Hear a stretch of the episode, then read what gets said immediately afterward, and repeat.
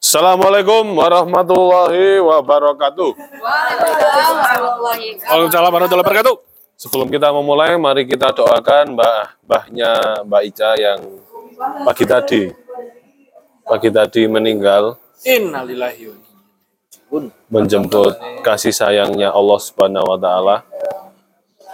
Mari kita doakan dengan agama eh dengan keyakinan masing-masing. Berdoa mulai.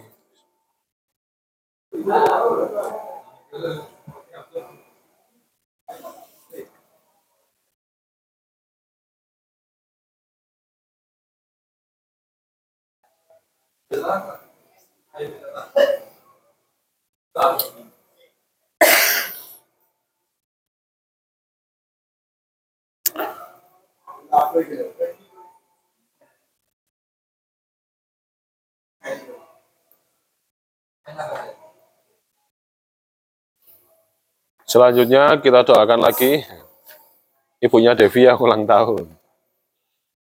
Doa mulai.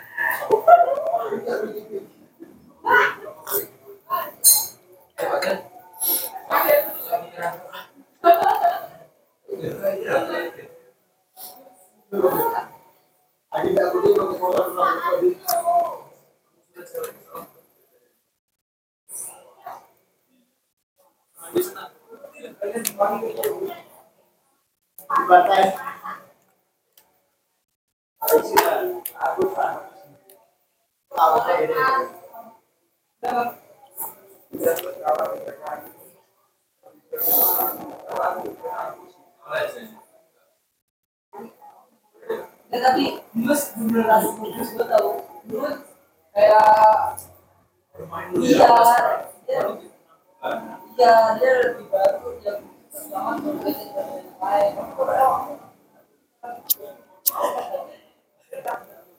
jadi wajar aja kalau dia lebih Baik, terima kasih sudah mendengarkan label-label Kahoro. Sampai jumpa.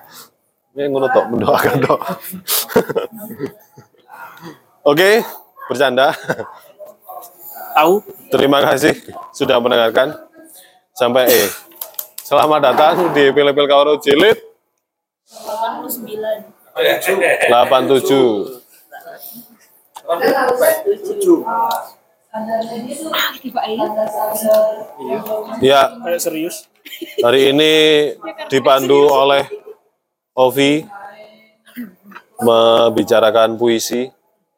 Ini sudah banyak bekal-bekal puisi yang diberikan kepada Mas Otus, Mbak Ulin, Mas Rifki, Mbak Buela, Mas Sigit, Ovi sendiri, Mbak Ica.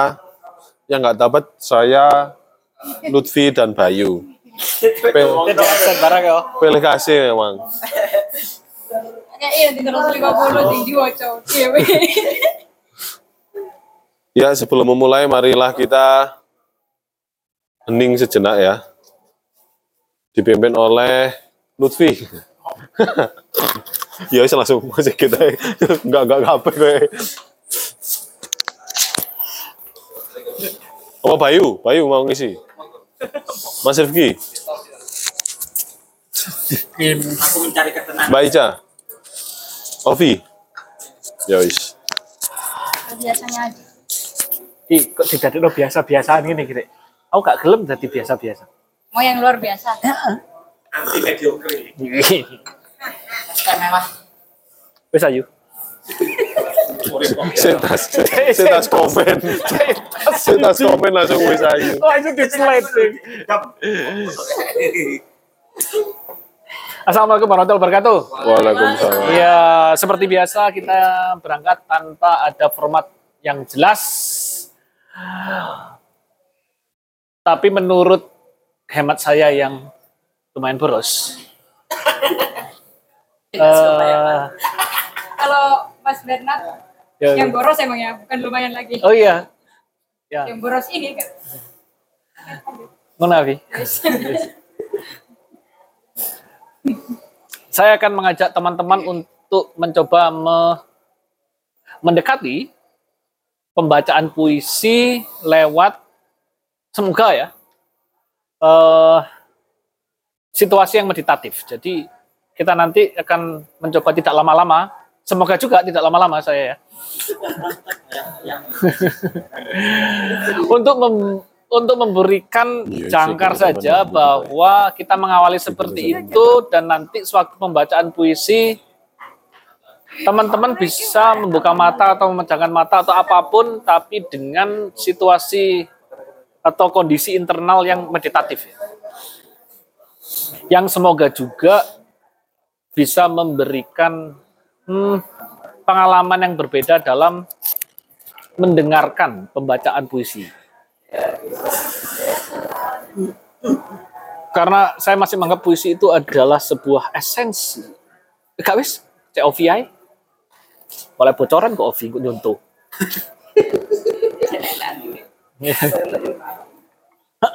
Aku toksik. Wis ah, Mas. Kon gak terima katanya sliding. Sliding. Oke. Silakan mau ngapain aja boleh dalam posisinya masing-masing. Yang penting semoga nanti tercapai sebuah situasi meditatif yang kita membuka diri kita tanpa ada pretensi atau niatan apa pun semoga ya tanpa ada pikiran bahwa ini baik, ini buruk, ini cocok dengan saya, ini tidak cocok dengan saya. Kita coba untuk not untuk menjadi tidak menghakimi sewaktu nanti mengalami puisi. Kita coba untuk hidup hidup-hidupnya dalam puisi. Ah. Maaf, Vi. Oke, baik. Boleh duduk bersila, boleh selonjoran, boleh berdiri, silakan. Boleh membuka mata, boleh memejamkan mata. Boleh sambil rokokan, boleh sambil makan. Nanti minta tolong volumenya agak tinggi ya. Yang sini agak gede soalnya. Aku ngomong sedinoan iki. Lambeku wis rada lecek.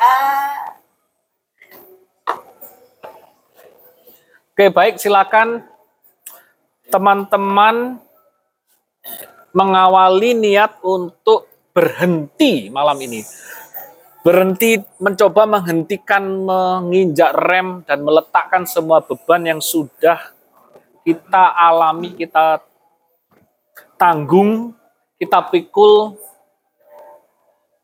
dalam sehari ini. Malam ini benar-benar kita coba untuk meletakkan semuanya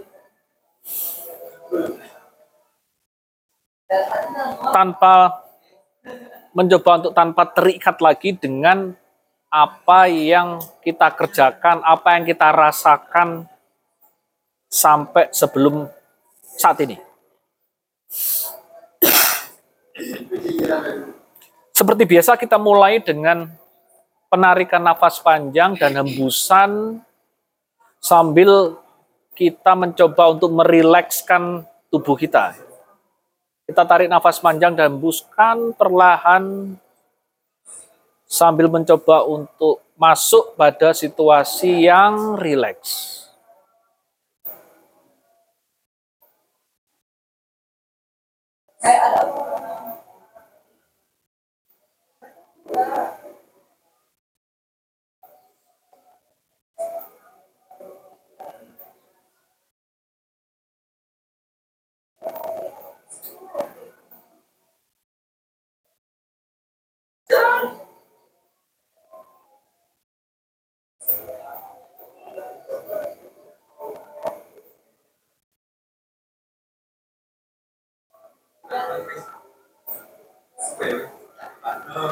Saat ini di sini seperti ini kita mencoba untuk membebaskan diri kita dari ikatan-ikatan pikiran yang sepanjang hari ini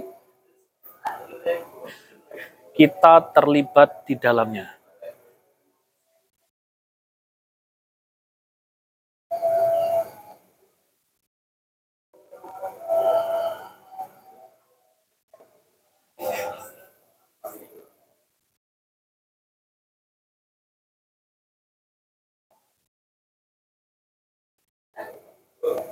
Dari ujung kepala sampai ujung kaki kita perhatikan tubuh kita.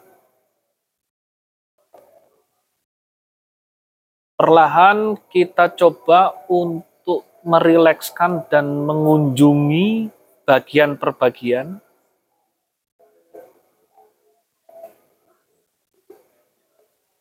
Di mana pada satu bagian jika kita bertemu dengan kondisi yang tegang,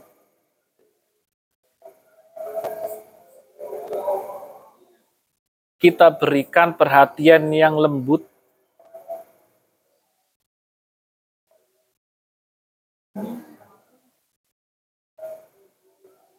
kita persilahkan tubuh kita untuk menjeda. Kita berikan waktu dan kesempatan untuk berhenti.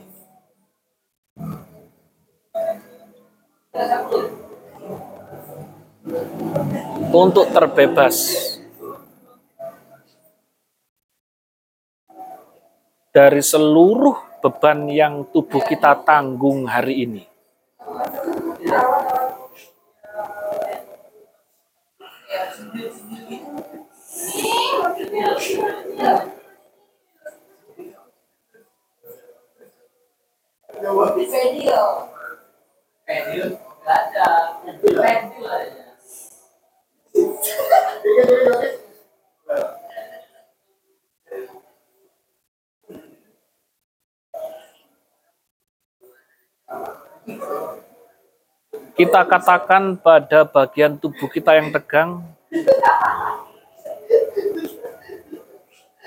terima kasih sudah menemani saya sepanjang hari ini. Sekarang waktumu untuk beristirahat.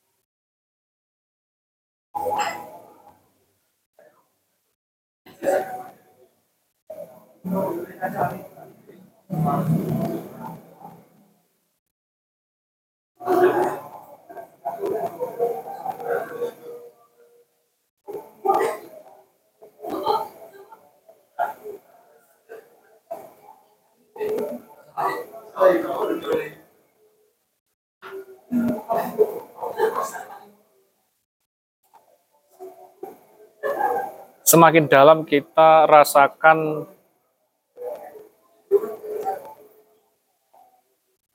tubuh kita semakin rileks,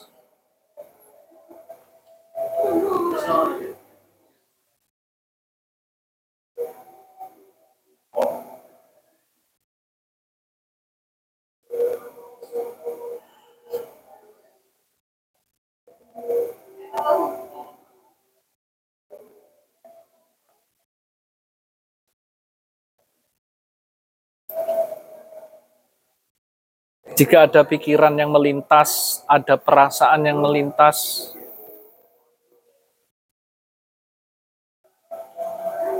kita amati saja, biarkan dia melintas. Kita tidak perlu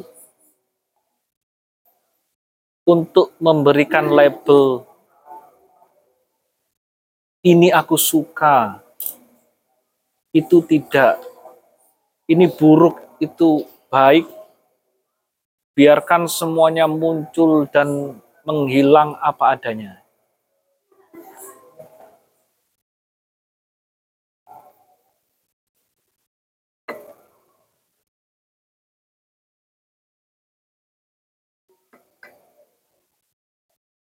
Jika malam ini kita masih merasakan perasaan yang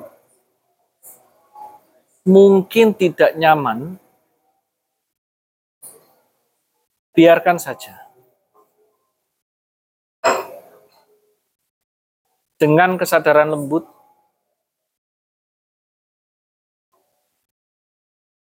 kita perhatikan saja perasaan kita,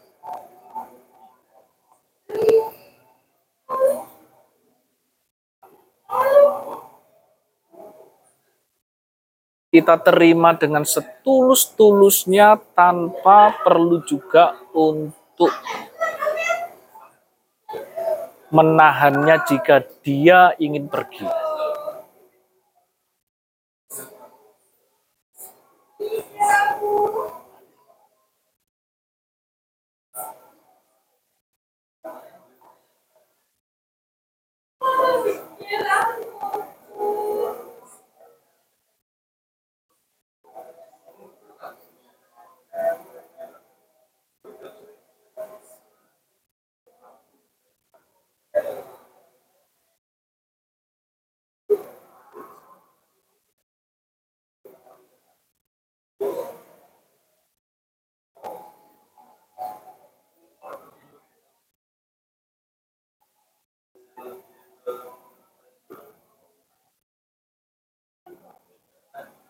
Dengan setulus-tulusnya kita katakan pada perasaan kita terima kasih. Terima kasih, terima kasih. Sudah ada di sini, sudah menemani saya.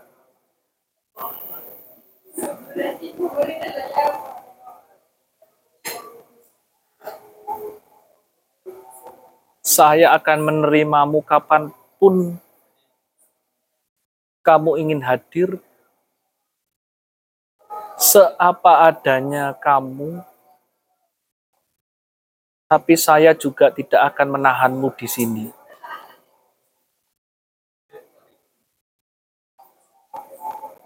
Jika kamu ingin pergi, wahai perasaanku, pergilah.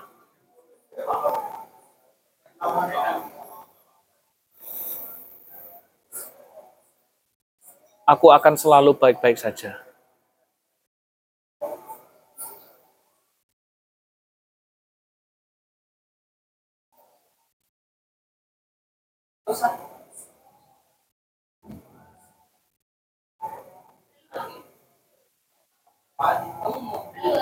Perlahan kita buka kesadaran selebar-lebarnya tanpa ada tujuan apa pun kita terima semuanya. Biarkan semua sensasi tubuh, pikiran yang melintas, perasaan yang muncul dan tenggelam, biarkan semuanya hadir seapa adanya.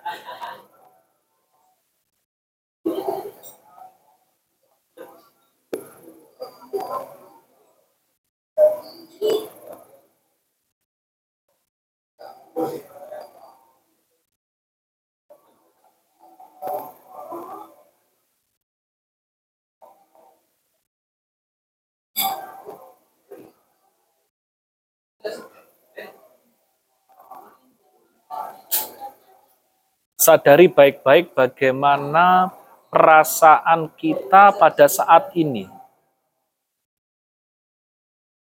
Dan seperti kondisi inilah kita nanti akan mendengarkan pembacaan puisi dari teman kita. Terbuka tanpa menghakimi kita terima semuanya apa adanya.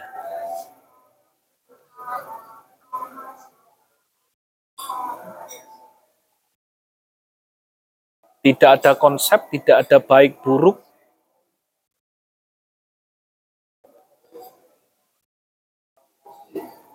Setiap puisi nanti dibacakan seperti inilah kondisi kita.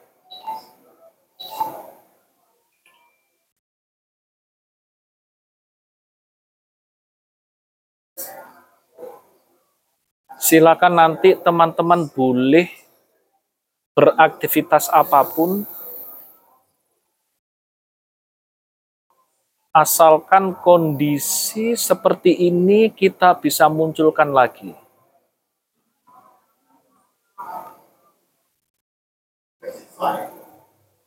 Jika tidak, maka mungkin kita bisa mempertahankan kondisi seperti ini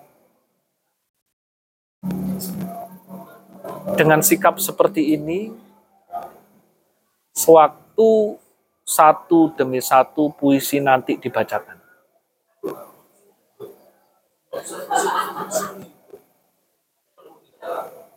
Terima kasih sudah bersama saya dalam hitungan nafas panjang dan hembusan pelan kesadaran kita perlahan hadirkan kembali tanpa mengurangi intensitas apa yang sudah kita alami sekarang. Terima kasih. Meditasi bisa diakhiri.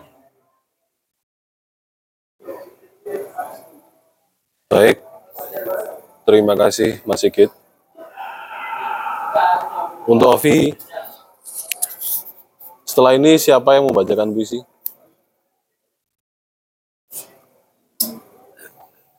Devi, Oke, tapi sebelum membacakan, yuk kasihkan aja. Saya mencoba untuk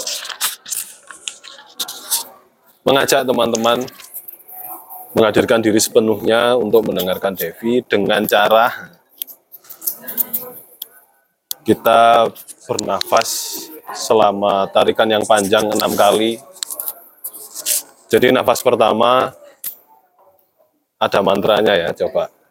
Pertama duhai, kedua Devi, terus ketiga saya, keempat hadir, kelima di sini, eh kelima untuk mendengarkanmu. Jadi duhai Devi, saya hadir untuk mendengarkanmu. Mari kita mulai. Jadi nafas pertama duhai Devi, saya hadir untuk mendengarkanmu. Setelah itu kita dengarkan, kita kita hadirkan kesadaran penuh untuk mendengarkan puisi dari Devi. Baik, mari kita mulai.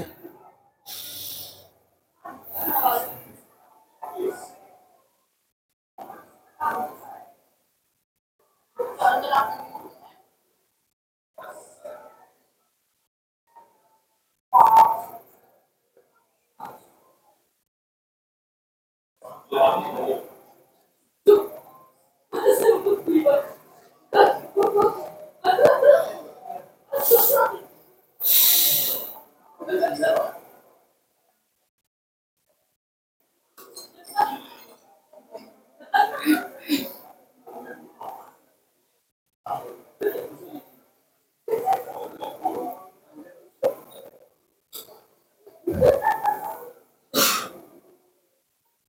Ampunan untuk jiwa. Jiwa, tak perlu lagi kau baca buku lama itu. Biarkan menjadi lembaran-lembaran usang di antara rongsokan besi-besi tua. Menarilah, tertawalah. Aku amat paham akan ketidakmampuan kau meramal masa mendatang. Tentu, boleh jadi esok lebih mengerikan dari hari ini. Tapi, usahlah kau tenggelam. Jangan mau lebur dalam karatan-karatan masa silam. Relakan. Yang lalu biarlah berlalu. Dan yang sudah jadi terserah. Imajinasi kau, jiwa, bahkan lebih cepat dari kepak sayap kawanan peri. Lihatlah, pria bertubuh tinggi besar itu selalu tenang menyambut bungkusan permen kaki dari balik tawamu yang sepi. Jernih bola matanya. Dulu, kau anggap tak lebih biasa dari bayi-bayi ikan cupang. Sekarang kau sadar? Nyatanya, ia bukan laut buatan, melainkan Firdaus. Yang dalam setiap riak tetesnya memercikkan pijar keteduhan.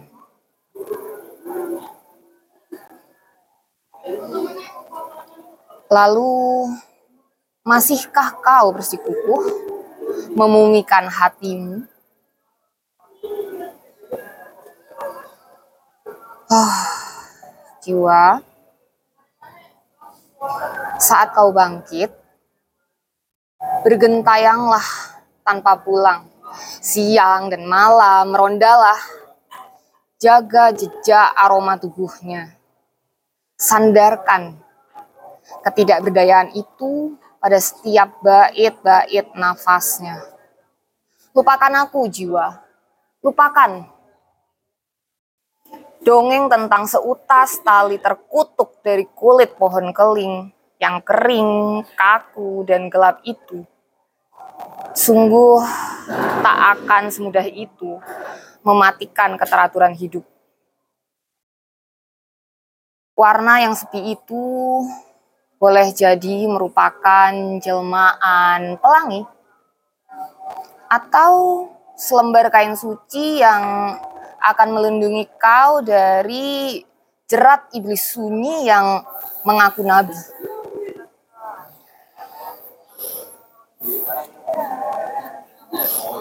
Mendekatlah jiwa. Peluk erat sukmanya. Dan menjadi satulah. Ikatkan penghambaan dengan sepanjang dua kalimat syahadat.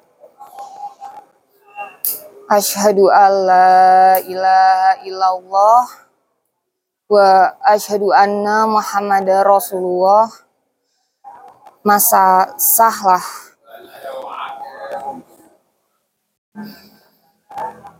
kalian telah menjadi sepasang jiwa suci, terimalah Rahman dan Rahimku sebagai hadiah kesabaran dan sesungguhnya segala hilaf dan dosa telah menjelma pengampunan cinta. Malang 28 Juli 2022.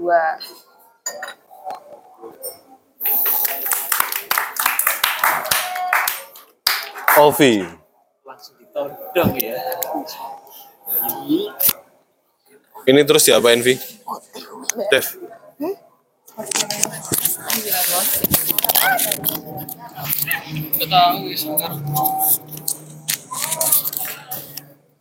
Oke, terima kasih. Enaknya habis ini diapain? Apa dibaca semuanya terus sudah? Menurutmu enakan gimana? Menurut Mbak Ovi sebagai Oke, menurutku Kita bahas aja lah ya. iya bahas dulu. Kita mungkin yang di sebelah dari Mbak Ica dan Bayu agak kesusahan mendengar ya tadi ya.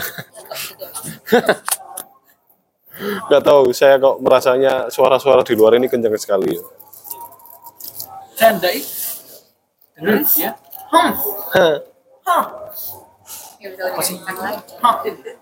Kalau begitu, karena Mas Sigit mendengarkan, silahkan dikomentari.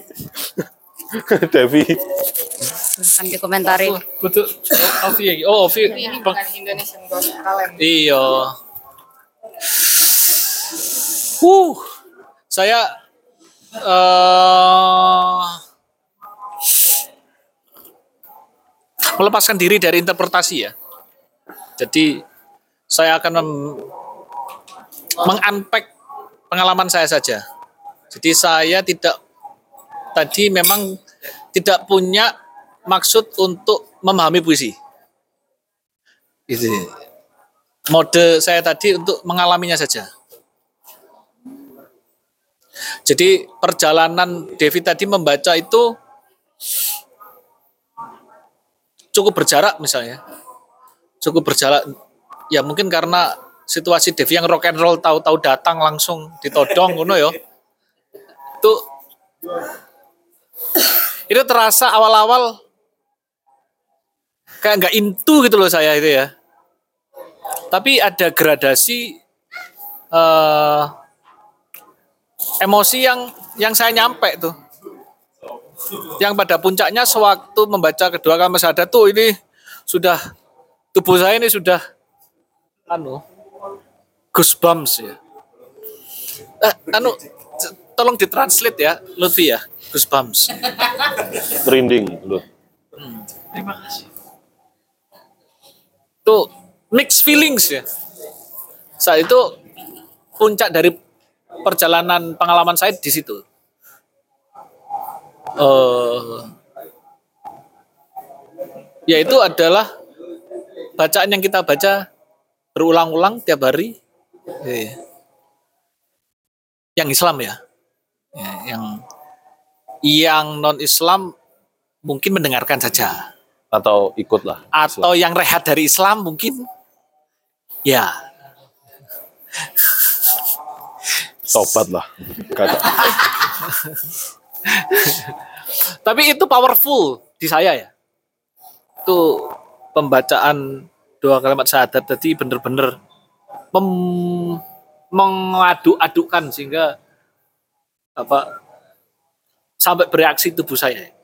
Itu sih sebenarnya kalau ada teman-teman yang mau me unpack apa isi puisinya silakan saya ini mengat, mengunpack pengalaman saya saja itu terima kasih saya kembalikan pada terserah Oke.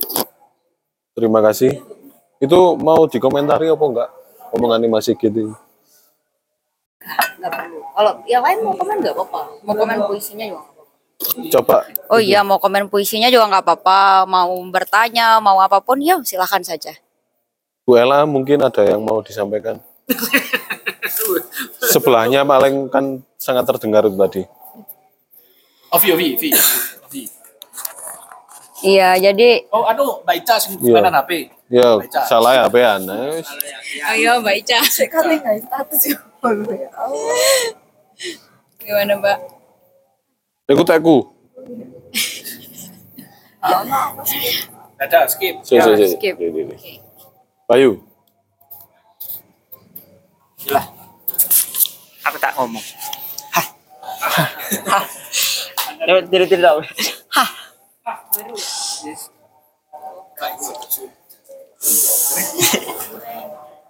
ya tadi walau apa mendengarkan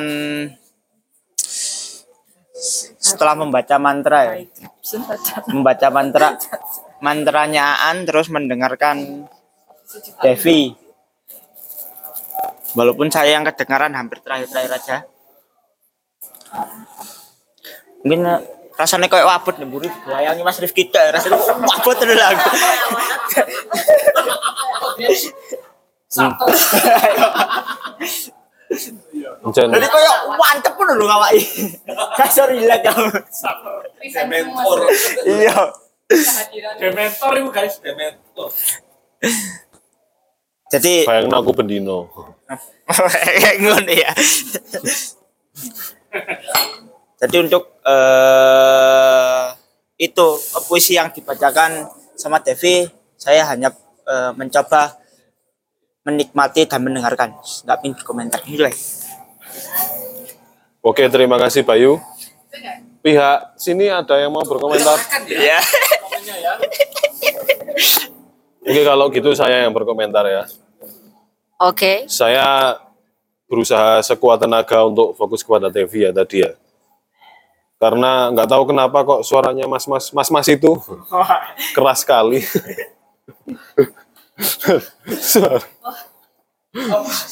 Terus suara suara solawat itu ya kok apa, terdengar keras sekali.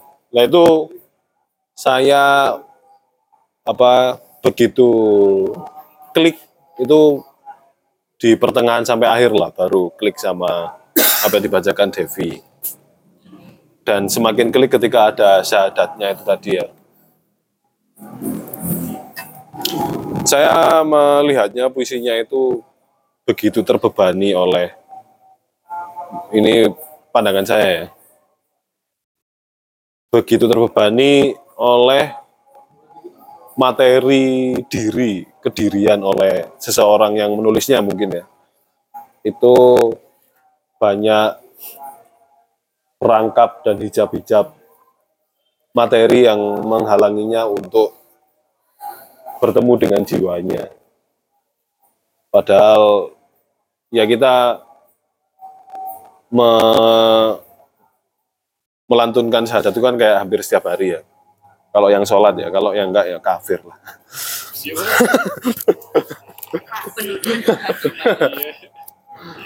itu. Nah itu juga saya itu, saya alami dulu itu ketika mulai belajar kayak sufisme gitu, itu saya begitu mengutuk pikiran, perasaan itu karena menjadi saya anggap sebagai penghalang ya untuk bertemu dengan jiwa itu sampai pada akhirnya ya ini bukan sih wong ini alat yang dikasihkan oleh dia untuk menjadi alat untuk bersaksi kok berarti ini bukan perangkap atau jebakan atau apa ya ini alat untuk ke sana gitu. yang mungkin menjadi di akhirnya itu menjadi pengampunan cintanya gitu kalau kita kalau kita pada akhirnya terperangkap di sana ya tetap ada ampunan cintanya nanti. ya itu sih dari saya. Sing bulet. Oke. Setelah ini kita baca mantra lagi. Udah melo aku moderator ya soalnya. Oh iya Devi Devi yang membaca. yang membaca.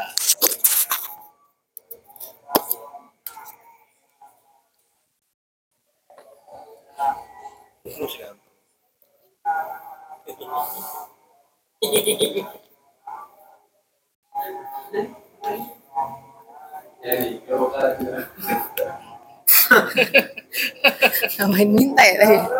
Iya. Ini sih saya itu aku pengen bicaranya itu mungkin eh, mewakili pengalaman aku membaca puisi ini di hari aku menerima puisi itu dari Ovi. Mungkin itu ya karena kalau tadi terkejut ya ternyata. gitu. eh sebenarnya aku melihat puisinya ini secara apa ya secara secara apa sih ya kayak karakternya itu cukup lengkap alur alur mungkin alurnya itu pas aku membacanya kemarin-kemarin itu kayak alurnya itu lengkap gitu menurutku. Jadi eh, pada saat itu tuh aku membacanya di awalnya itu emang agak masuknya itu memang kayak frugal gitu kayak ugal-ugalan like aku membacanya pertama kali. Terus habis gitu eh di tengah-tengah itu baru baru aku kayak bisa nyambung di situ namun kayak waktu bertemu sama kalimat syahadat itu padahal itu tadi ya kan kayak syahadat yang udah pernah udah eh, nggak asing iya betul udah kita ulang-ulang tapi kayak malah aku sendiri ketika membaca itu tuh malah merasa canggung gitu ternyata ketika di puisi itu kayak diminta bersaksi lagi itu rasanya kayak aneh ya gitu. Gitu sih. Tapi bet- tapi betul sih kayak apa eh ini ya bahasanya Mas Rifki itu kan taken for granted ya gitu sih. Jadi di momen itu aku me- menyadari lah bahwa aku selama itu eh selama itu selama ini mengambil si kalimat aku bersaksi itu terlalu taken nggak terlalu sih ya umum lah ya pada pada lumrahnya manusia betul. Pada kaula muda kita lumrah untuk merasa itu biasa tapi ketika kita diminta diajak diajak untuk bersaksi lagi bareng-bareng gitu. Kayak ini ya ya memang reminder yang aku perlukan gitu sih. Jadi terima kasih Ovi atas puisinya ya. Sama-sama Devi. Terima kasih juga sudah membaca puisiku. Selanjutnya siapa Devi? Eh kok Devi? Ovi. Selanjutnya saya serahkan ke mana orang itu? Mana orang itu? Mana orang itu? Ke Bu Ella. Oke, sebelum Silakan. Bu Ella membaca, marilah kita kembali lagi membaca mantra. Begitu Mas Otus duduk.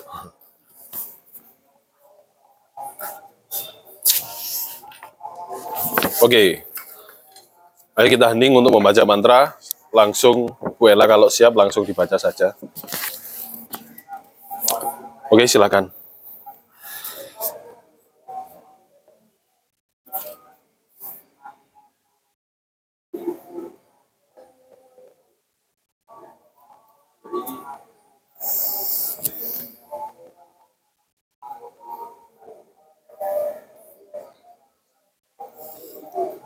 Kerumunan masa silam.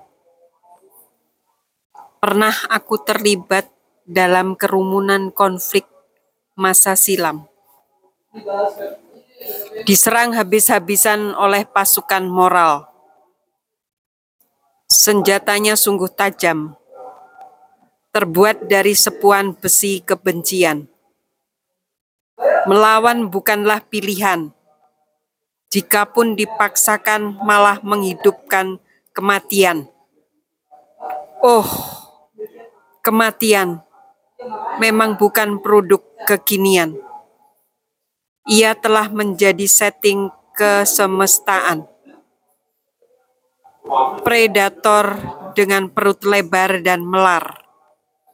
Setiap saat selalu kelaparan, Waktu-waktu adalah perburuan panjang tak melelahkan. Lalu kuputuskan pergi, melarikan diri dari pagelaran pertempuran, menyendiri tanpa teman, hidup dalam kekosongan. Tapi aku tak tenang. Rasa takut bagai laron-laron mengerubungi pendar lentera. Oh, memendam rasa bersalah, sama saja menanamkan tumbuhan beracun. Kalau memang ada masa setelah sekarang, maka dengan terpaksa kukatakan, cukup aku bertahan sampai satu hari mendatang. Lepas dari itu, aku tak lagi punya impian. Biarlah aku pulang. Selamat jalan. Malang 3 Januari 2022. Makasih. lampunya meredup ya tiba-tiba. Lampu mati ini ya. Waduh. Nanti sudah datang ah. Eti belum datang, Mbak Eti belum datang kok redup. Kok auranya udah ada di sini. Cukup remang ya. Itu apa judulnya pamitan? Ada judulnya di situ. Malam. Kerumunan masa silam judulnya. Oke. Bagaimana? Melelahkan ya untuk ditanggapi? Enggak. Enggak sih ya, biasa aja. Nggak melelahkan tapi saya kasihan sih saya. Sama yang nulis itu. Siapa yang nulis itu? Kamu ah? Ya, saya tanya Mbak Ovi aja deh. Oke. Apa sih latar belakangnya menulis itu? Kondisi apa yang sampean alami hingga terekspresikan menjadi puisi itu? Oh iya. Jadi yang aku alami pada saat itu adalah situasi di mana begitu banyak pertentangan dan pertempuran ya. Baik itu pertentangan dengan yang di luar maupun di dalam. Dari situ seakan-akan banyak banyak sekali yang menyerbu gitu. Dan dalam pertempuran itu yang menjadi pilihan adalah membunuh atau dibunuh gitu kan. Ya, cukup menyesakan ya. Itu membunuh atau dibunuh. dalam artian yang sesungguhnya atau metafora? Dalam artian sesungguhnya dan juga dalam artian yang metafora bisa. Jadi peristiwa itu ya cukup me- Cukup berat. 14. Tapi akhirnya ketika dalam sebuah pertempuran itu si sosok yang ada di situ melarikan diri gitu. Dia tidak bertem eh, yang dia berharap akhirnya ini akan selesai nih gitu. Pertempuran ini selesai tapi tidak demikian gitu. Malah kekosongan ketidak rasa tidak tenang rasa tidak nyaman gitu. Itu membuat dia menjadi terus menerus terperangkap di dalam pilihan-pilihannya.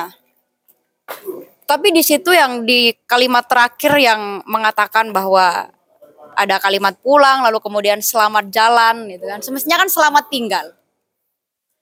Tetapi kenapa aku meletakkan selamat jalan karena oh, aku masih ada harapan nih untuk bertemu dengan perjalanan-perjalanan yang lain. Jadi selesai di sini tetapi ketika selamat jalan di dalam perjalanan itu akan banyak hal yang perlu ditemukan dan tidak perlu kemudian yang dari bait pertama sampai dengan seterusnya sebelum kata selamat jalan itu membuatku menjadi bingung, membuatku menjadi tersiksa dan menderita lagi. Begitu kira-kira. Oke. Ada yang mau berkomentar teman-teman?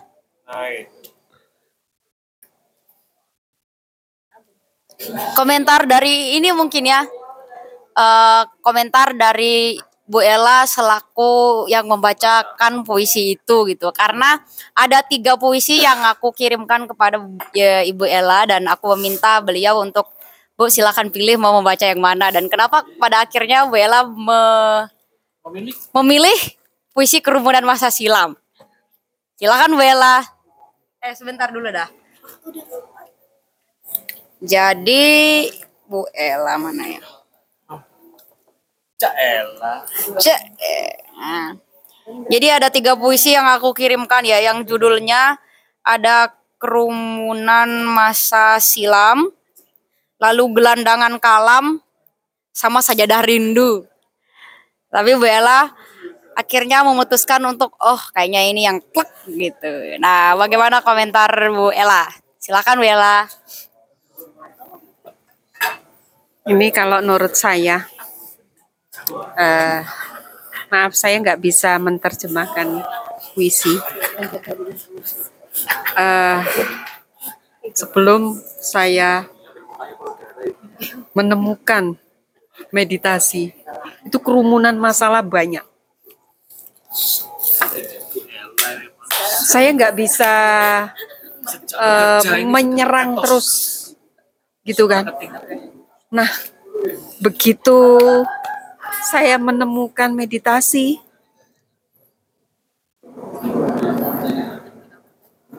eh,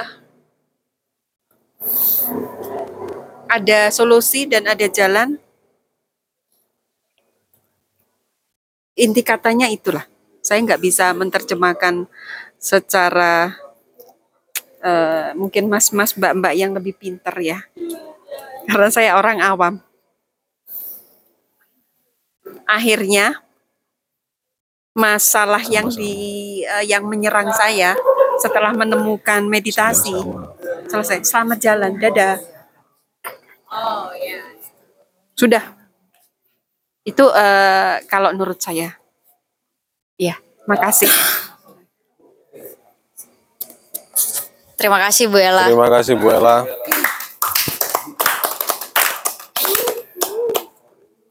Selanjutnya, Ada apa ada komentar? yang mau komentar lagi? Oke, Oh, Mbak Ulin sudah kasih kode ya? Oh, ya. Hah, memangnya kita pokoknya kita harus nunggu Mas Bernard. Mesti gitu. Aku seneng ya. Gimana An? ya wis. Mbak Ulin. Ya, selanjutnya Mbak Ulin. Oke, meskipun tadi ketika pembahasan puisi Mbak Ulin, Lutfi, yang grup sini ketawa-ketawa aja. kita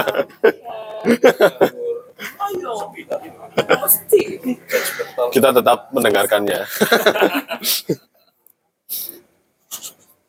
Kurang ajar. Oke, mari kita baca mantra lagi. Silakan Mbak Ulin kalau mau mulai dimulai saja. Ayo, silakan.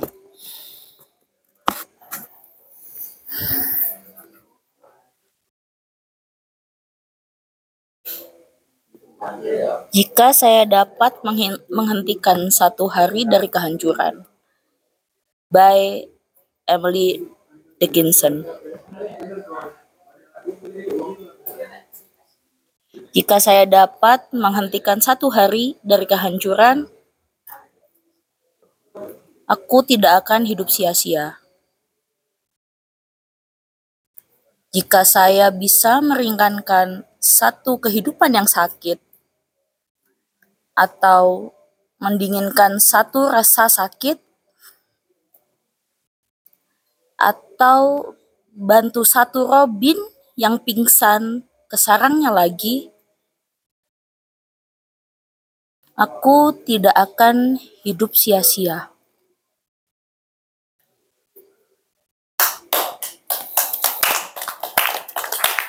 Terima kasih.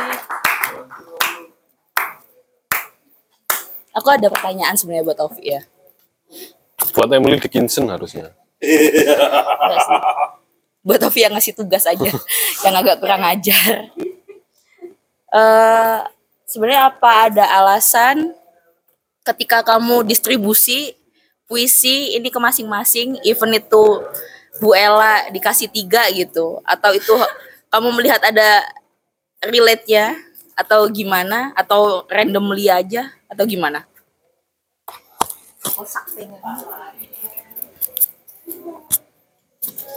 Oh iya, sebetulnya mula-mulanya itu random ya. Maksudnya aku memilih puisi itu adalah beberapa puisi baik itu dari penulis luar gitu kan. Itu karena ada impact yang cukup besar puisi itu terhadap perubahan-perubahan di dalam diriku gitu. Dan ketika aku memberikan itu kepada Mbak Ulin, eh, aku ingin sekali satu Mbak Ulin membaca puisi. Karena sebelum-sebelumnya Mbak Ulin itu gak mau jadi aku mesti mereka-mereka ayo mbak ayo mbak gitu. Dan puisi itu adalah puisi paling pendek di antara puisi-puisi panjang lainnya. Jadi ya sependek itu pun aku mesti merengek-rengek gitu ya. Coba aku. Khairil Anwar Kalau alasan kenapa akhirnya aku memberikan puisi itu yang mestinya dibacakan oleh Mbak Ulin, aku belum nemu alasannya sih. Tapi kayaknya itu puisi yang sungguh keren ya. Karena banyak dari kita yang selalu gimana sih untuk hidup bermakna atau tidak sia-sia gitu. Kita selalu mematok standar bahwa aku harus nyumbang beras banyak lima ton ke ini, ke itu dan ke yang lain-lain baru kita akan menganggap diri kita berharga, tidak sia-sia, selalu melakukan kebaikan gitu. Padahal sebetulnya ke kesia-siaan itu nggak ada yang orang yang hidup sia-sia. Bahkan dalam taraf yang paling kecil pun gitu.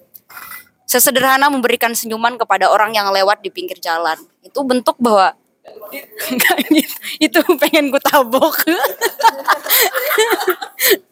aku yang sia-sia menjadi manusia kalau kayak gitu. Jadi nggak ada sebetulnya ternyata yang sia-sia gitu. Bu, se bagaimanapun karena pada waktu itu kan sebelum aku menemukan puisi itu aku merasa aku ah, aku sangat sia-sia ini aku tidak bisa berbuat baik gitu. Aku tidak bisa membantu keluarga aku bahkan membuat mereka tidak marah pun aku tidak bisa gitu tetapi ternyata ya enggak enggak segitu. Aku aku sungguh berharga gitu. Bahkan ketika misalkan ada temanku yang ya mungkin jemurannya kehujanan terus aku angkat gitu kan. Ternyata itu adalah sebuah ketidaksiasiaan gitu. Tetangga ya jemuran tetangga. Ternyata untuk menjadi bermakna bagi kehidupan ini tuh sangatlah sederhana gitu. nggak perlu ada standar A standar B untuk mencapai itu sehingga wow kehidupan itu keren Excelente. Makasih ya, Bi ya. ya Excelente. Kalau Mbak Ulin merasa apa dari puisi ini? Numero uno. Sayang kalau kasih senyum aja nggak sia-sia, apalagi kayak kasih makan. Gimana sih maksudnya?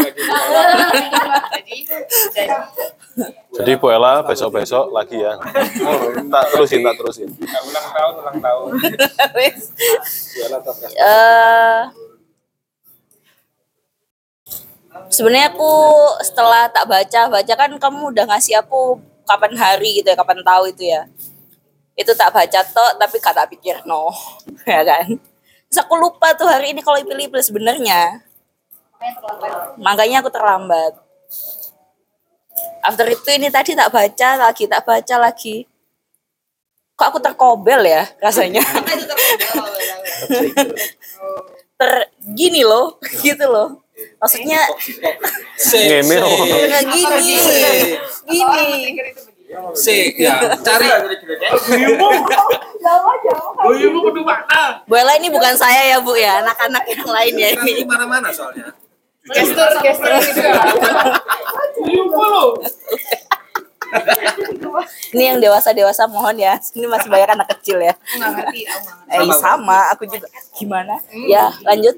Eh kayak pasti aku nggak ngerti sih semua orang apa pernah ngerasain hal yang sama seperti apa yang aku rasain ya especially aku merasa ya ada, pernah ada di fase di mana aku kayak kayaknya sia-sia deh hidup itu kayaknya emang nggak ada manfaatnya gitu atau pasti Bukannya ada gitu. penyesalan apa Bukannya emang gitu. enggak ya kamu kali.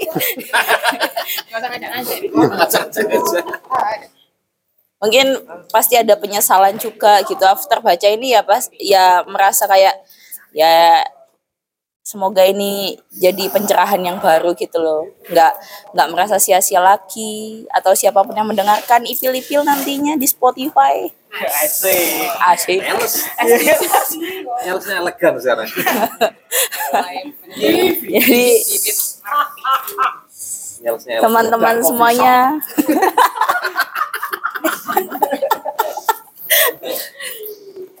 ya itulah pasti hidup itu pasti berguna apa pun itu itu sih itu aja terima kasih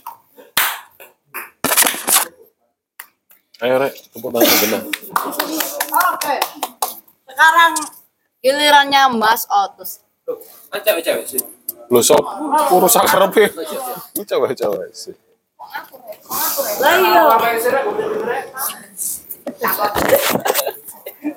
Oke, mari kita hening lagi. Silakan.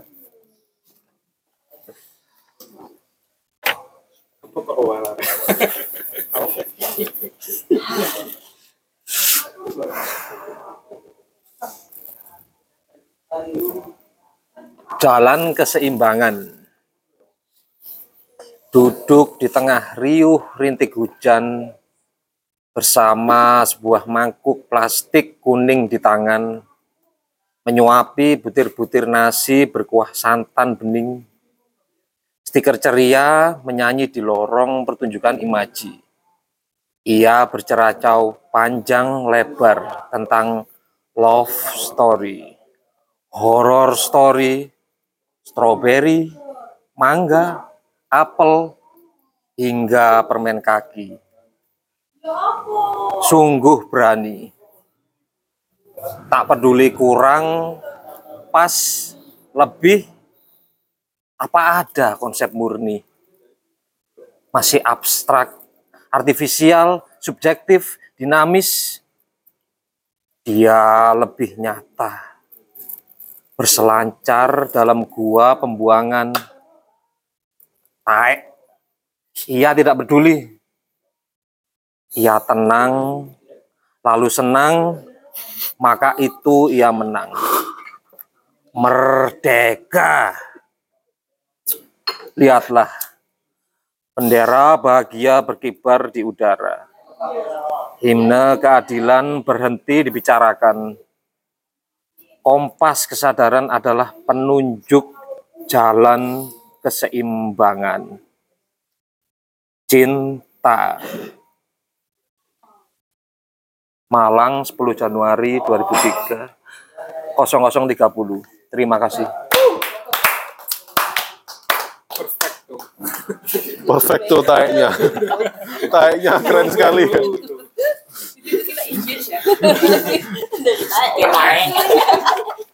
Aku hanya menyampaikan. Iya, iya. Sumpah. Tapi personal ya.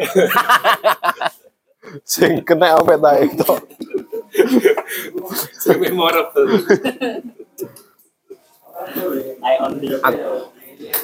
Oke. silakan Mas Otus, silakan. Ya, saya mau bertanya ke Ovi sebenarnya. Ini apa maksudnya jalan keseimbangan ini? Saya dari tadi mencari benang merahnya ini. Ini keseimbangan. Saya nggak tahu kemerdekaan itu keseimbangan atau kebebasan itu apa apa ini konsep free will yang dimasukkan di sini? Waduh. Will.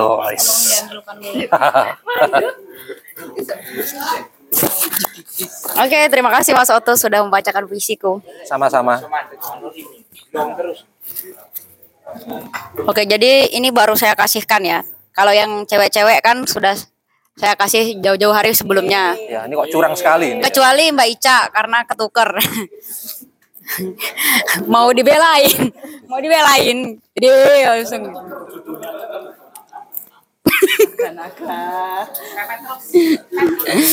Terus. Oke, jadi Mas Otus kalau mencari benang merah, kalau mencari benang merah nggak nggak ketemu ya karena di sini benangnya bukan benang merah, Tapi? tapi benang yang lain. Bagaimana menemukan keseimbangan? Apakah merdeka itu adalah konsep eh, kebebasan ya, atau apakah itu keseimbangan? Jadi di sini ada satu fase di mana ketika aku menuliskan ini selepas kita bermeditasi tentang menghadirkan sosok masa kecil. Oh, terus? Ya. Jadi ketika pernah waktu itu kan kita bermeditasi di ipil-ipil terus kemudian menghadirkan sosok kita di masa kecil bagaimana kita ceria, bagaimana kita santuy gitu kan. Tidak mengenal konsep-konsep kan menderita itu kayak gimana sih yang nggak adil itu seperti apa gitu. Jadi kita hanya fokus terhadap bagaimana caranya untuk ya bahagia aja. Dan yang menurut orang dewasa mungkin itu nggak bahagia, ternyata itu membahagiakan untuk seorang bocah, untuk seorang anak kecil. Dan aku teringat pada akhirnya aku menyadari bahwa ketika kecil itu orang-orang dewasa itu mengajarkan kita atau bahkan secara serampangan memaksa kita untuk segera menjadi dewasa gitu. Dengan diajarkan ini ini dan itu gitu.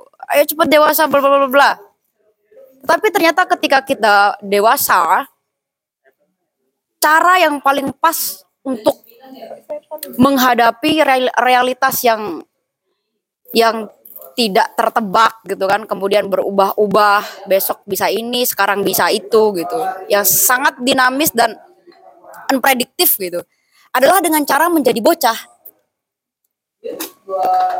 Karena dengan cara itu yang paling pas sehingga di sini kayak waktu itu kan kayak semuanya ya abstrak jadi kita mesti menghadapinya dengan ya ceria menempelkan stiker-stiker ceria di lorong-lorong pertunjukan imajinasi kita gitu. Atau mungkin bisa juga kayak eh yang di sini kan sungguh berani, tak peduli kurang, pas lebih. Apa ada konsep murni? Nah di situ aku menyaksikan diriku bahwa i- sangat berani loh seorang anak kecil itu. Seakan-akan ya gak ada konsep nanti sakit atau celaka atau bagaimana gitu. Ya tempur-tempur aja. Ya main-main saja, main hujan-hujanan, bahkan kita ke sungai ini dan itu. gitu. Jadi ternyata seberani itu, semerdeka itu menjadi anak kecil. Sehingga di terakhir adalah bendera bahagia berkibar di udara gitu. Terus kemudian himne keadilan yang orang anggap sebagai adil itu ya udah selesai kita bicarakan. Udah berhenti. Terus kemudian yang menjadi modal kita hanyalah kompas kesadaran itu. Tapi karena kita udah dewasa secara pola berpikir ini sudah lebih lebih ini ya, lebih matang gitu. Sehingga itu kita jadikan sebagai kompas kesadaran untuk menuju jalan keseimbangan itu. Dan jalan keseimbangannya itu, kompasnya itu dikasih nama cinta. Itu. Oke, terima kasih. Terima kasih Mas Otus. Mas Otus, apa kesannya membaca itu? Saya masih marah marah para pemainnya. Saya Nyari benang merah kan, ternyata benang biru. Siapa yang gak terbiasa, terbiasa meraba-raba? Maaf, maaf. Saya masih cupu, Kak. Saya masih Oh cupu. ya, Devi. Aku menemukan dua kata lucu dari dari puisi mas, yang dibaca Mas Oto sama yang puisi yang aku bacain dari Ovi itu Permen kaki. permain kaki. Eh, kayaknya Ovi ini ya meng, mengasosias, hah? Lah, aing kira sih gitu. Permen kaki, Le. Apa Harry Potter? Lambang kaki yang hanya kaki kiri kanan. Hot hot pop, hot hot Hot pop. pop. Nah, itu di endorse kah? Iya kayaknya Ovi masa kecilnya lekat dengan permen kaki ya. Apa ya? Iya. Barangkali nggak cuma aku ya yang lekat dengan permen kaki. Kayaknya kita semua lekat dengan permen kaki gitu. Oh iya, kecuali Mas Otus. Karena Mas Otus hidup Dilatih ya. Kaki siapakah itu? Kaki kaki ya. Ah, kaki, Siapa yang cocok dengan kamu? Kakimu. kaki ibu. Ya, itu sih kata lucunya sama sama-sama diakhiri dengan cinta. Iya. Iya. Nggak tahu ya. Cinta akan hanya bukan bukan ada tapi hanya. tapi aku suka pilih lagu. Iya. Itu sih. Gitu Oke. aja. Kenapa permen kaki? Karena menurutku permen kaki itu simbol ya. Aku menggunakan permen kaki itu hanya sebagai simbolisasi aja. Di mana kok bisa kaki diletakin di mulut gitu? Yang mulanya kita tuh kayak kaki itu naruh di atas bantal itu nggak boleh gitu. Nunjuk pakai kaki itu nggak boleh gitu. Tetapi untuk seorang anak kecil, wow permen kaki gitu. Jadi itu sebetulnya simbol di mana segala sesuatunya kayak ada kontradiksinya, tapi bagi kita yang udah dapet kayak oh aku udah punya kesadaran nih sebagai sebuah sebagai so- seseorang gitu. Itu kayak nggak nggak perlu perlu amat sih mau kaki itu di di lidah tapi ya tetap manis gitu. Dan ya karena cinta ya cinta itu murah ya ternyata murah dan mudah ya. Ya itu kenapa aku senang sekali dengan kata itu. Selain susah juga untuk mendefinisikannya. Begitu Devi. Itu simbol aja sih sebetulnya. Iya, sepertinya itu saya masih percaya bahwa sebuah puisi itu akan menemukan pembacanya. Ya. Iya, dia akan punya jodoh siapa yang membacanya. Kalau di situ kan tadi yang saya tangkap adalah bocah dalam diri, gitu ya. Dan sebuah harapan untuk cinta mengalami cinta ya mungkin itu aja saya tidak menginterpretasikan macam-macam ini ya saya hanya menggiring opini Mengalami cinta untuk dalam keseimbangan. ya Walaupun permen kaki itu kalau di zaman Mas Oto sih mungkin ketika dia udah kuliah gitu. Tadi kan Ovi mengasosiasikan permen kaki itu kanak-kanak. ya ya simbol aja bagaimana menyenangkannya menjadi seperti bocah gitu. Jadi permen kaki ya. Padahal kaki kan tapi kok manis taruh di lidah gitu. Kaki itu kan selalu kayak apa ya nggak nggak sopan gitu kan. Ya seperti itu aja. Jadi harus mendekatkan diri ke anak kecil mungkin ya. Udah saatnya ya. Untuk mengalami cinta. Oke silakan Aan Oke, terima kasih. Ovi. Ya, silakan Ovi. Siapa selanjutnya? oke selanjutnya adalah Mbak Ica Please, Mbak, please. Please, please, please, Mbak, please, Sudah mantra. please, please, please, please. Oke, marilah kita hening lagi. Ayo, hening. Silakan berhening. Dan Mbak Ica membacakan setelah kita hening atau sesiapnya lah. Oke, silakan dimulai.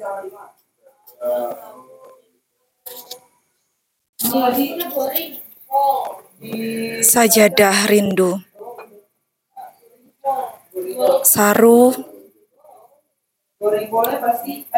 pada teriakan-teriakan sang subuh terpanjat doa-doa terpanjang. Di muka dinding-dinding sajadah hitam.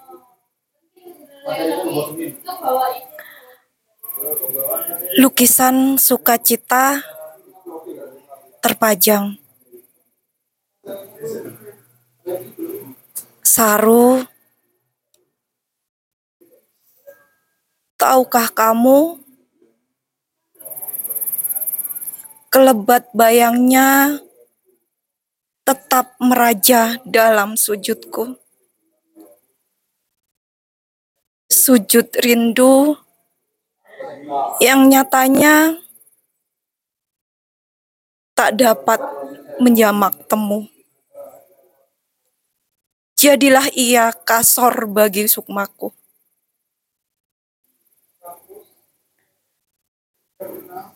Saru, meski telah kutempuh ribuan kilometer jarak, telah kukupas kulit-kulit waktu, dan kutelanjangi diriku.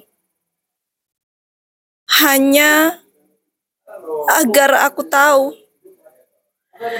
seberapa dalam hasrat memilikinya. Tapi tetap seperti tak bergeming. Oh, kokohlah kesuciannya.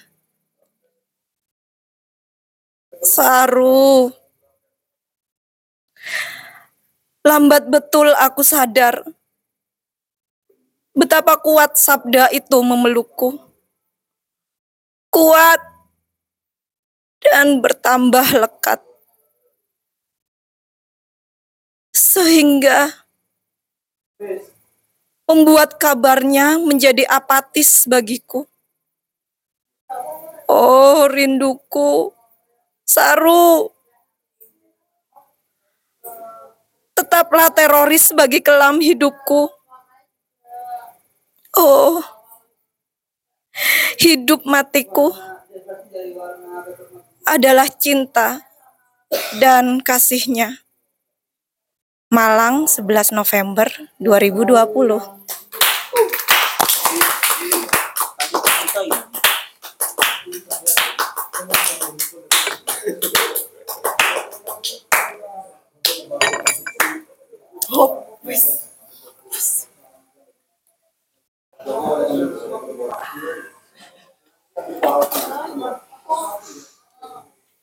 Oke.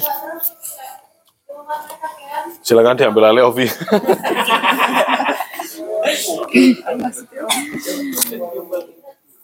Nggak ada yang mau komentar dulu.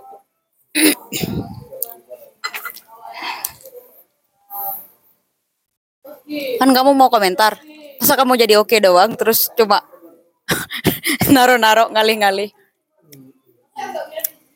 Iya, saya itu ya mungkin niru konsepnya Mas Sigit di awal tadi. Menjelajahinya sebagai pengalaman, nggak ingin untuk me, apa, menginterpretasikannya. Ya yang saya rasakan ada keharuan. Keharuan yang sedih. Ya itu tok sih. saya itu awalnya itu memaksa Mbak Ica untuk iki saruni gentian saya kan itu ya orangnya itu suka menyiksa menyiksa. Hmm. selain memaksa itu menyiksa. Iya sarunya itu saya saya suruh untuk mengganti namanya mbahnya. Kan penyiksaan kan ya? Tuh. tapi ini tadi saya sudah terasa itu dan saya memahami bahwa itu permintaan yang kejam ya Oke, itu saja. Saya sudah terasa ada yang menggetarkan hati saya dari pembacaannya Mbak Ica dibanding pembacaannya Mas Otus tadi.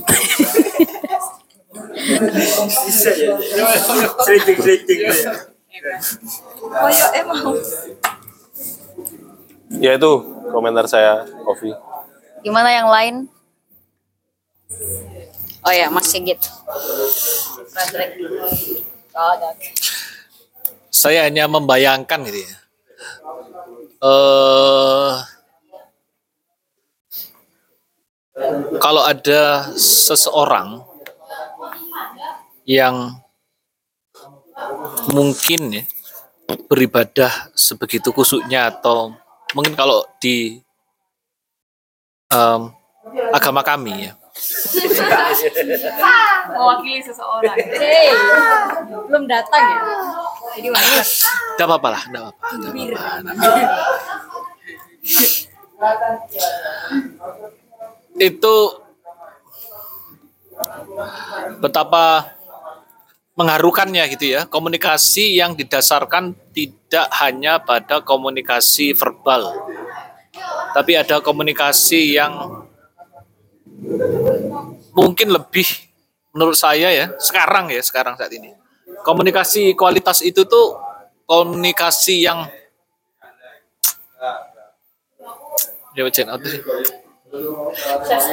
ya? Yes. Komunikasi yang dengan kualitas yang jauh lebih murni. Bagaimana kita dengan tulus mendoakan seseorang atau bahkan diri kita sendiri. Itu eh, sebuah peristiwa yang menurut saya sekarang itu peristiwa yang patut dirayakan. Saya tidak menangkap kesedihan sebetulnya tadi. Tidak tahu, saya merasakannya karena saya bebal mungkin hati saya ya, tidak seperti Aan yang menye-menye ya. Saya sudah keras hati, keras hati, berkel, eh, oh keras ya. Saya pun jangan Oh, Ada yang tersinggung ya? Ada yang tersinggung ya?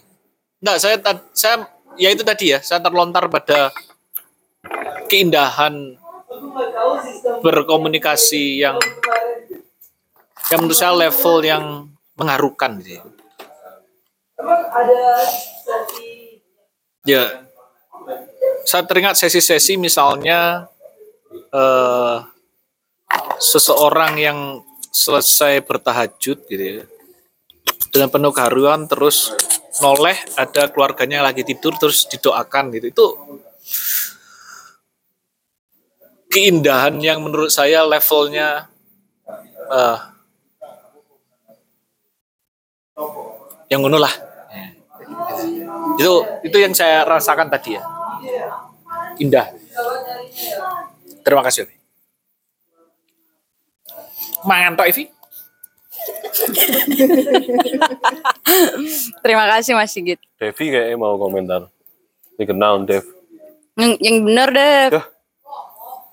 Oke. Mbak Ica, Mbak Ica. Hmm, selaku pembaca. Ica pembaca. Sebenarnya karena ini kan tadi kan eh, nggak sesuai apa yang direncanakan di awal gitu ya. Kan yang di awal kemarin apa gitu. Ya enggak dong.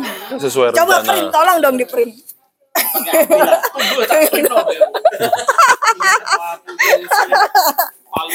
Oke.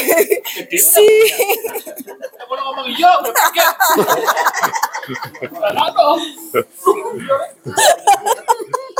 Astagfirullahaladzim. Iki lo sebelah iki lo. Terus di di mengkok kanan Jadi terus ini tadi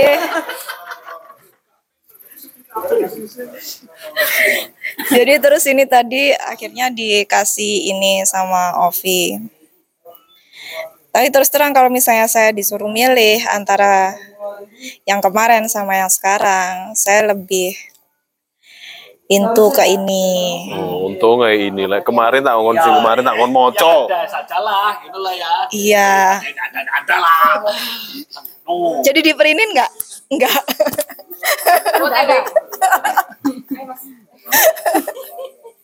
Slow motion ada. Oke, oke. Terus ketika tadi baca-baca ini tuh sebenarnya agak bingung kan eh, waktu saya baca itu kok kayaknya ini eh, cara penulis puisi itu yang misalnya apa kayak istilahnya kayak komunikasi sama eh, Tuhannya gitu kan ya. Tapi kok saru? Nah saru itu kan dalam bahasa Jawa itu kan apa bu tadi nggak sopan gitu. Terus tadi saya tanya ternyata saru itu artinya apaan? Samar. Dalam bahasa? Lombok. Nah gitu. Saru atau seru ya. Seru. Gitu. Seru gitu. Oh maaf ya tadi pembacaannya salah. Ternyata mau diulang lagi ya enggak ya? Boleh. enggak, enggak, enggak. Daripada ngeprint saja. Gimana dua kenapa ya ngeselin banget ya ya Allah saya kan Iya. Benar sekali apa yang dikatakan sama Mas Sigit tadi. Memang eh, sebenarnya oh my god Tapi bedanya adalah eh, mungkin waktu itu kan eh, Mas Sigit kan eh, membayangkannya kayak eh, sambil memandangi keluarga gitu ya. Di sampingnya keluarga gitu kan pas pas sholatnya gitu kayaknya ya, misalnya kayak begitu. Iya, tapi ketika saya baca ini tuh saya kayak bener-bener kerasa ya memang ini yang memang sering saya eh, kalau misalnya saya berdoa ketika ada masalah-masalah yang terjadi dengan saya apa pun itu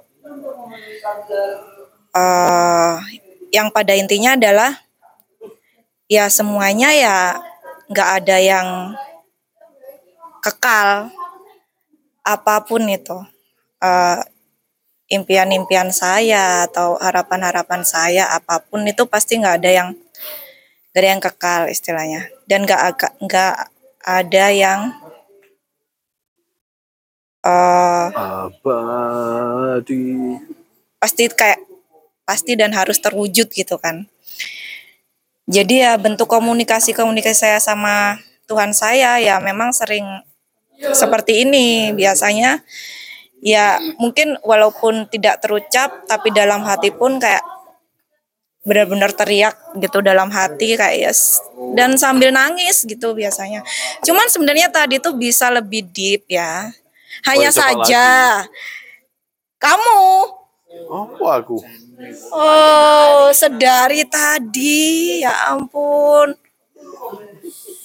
memaksa Gimana ya, Mbak? Kan akunya jadi udah hilang fokus sudah Ya gitu aja sih. Makasih ya Ovi. Ini hmm, bagus banget sih puisinya. Terima kasih Mbak. Ica sudah membacakan puisiku. Syama syama. Oke, terakhir ya kayaknya ini. Assalamualaikum. Iki, Mas Rifki. Mas Nah, Rifki. ya. Ih, orang Mas Rifki juga. Kamu ngeprint dulu. Terakhir bagiannya Mas Rifki. Silakan.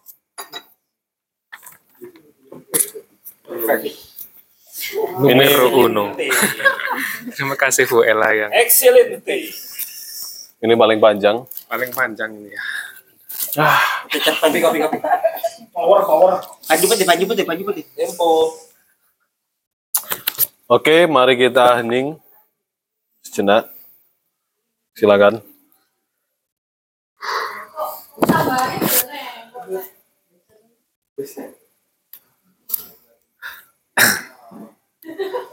Bicara harapan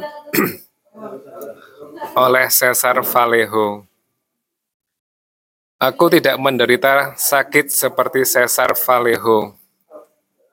Aku tidak menderita sakit sebagai seniman, sebagai manusia, atau bahkan hanya sebagai makhluk hidup. Aku tidak menderita sakit ini sebagai seorang Katolik, sebagai seorang Muslim, atau sebagai ateis. Hari ini aku hanya menderita. Jika namaku bukan Cesar Vallejo, aku masih akan merasakan sakit yang sama. Jika aku bukan seniman, aku masih akan merasakannya. Jika aku bukan Katolik, ateis, atau seorang Muslim, aku masih akan menderita. Hari ini aku menderita jauh lebih dalam. Hari ini aku hanya menderita.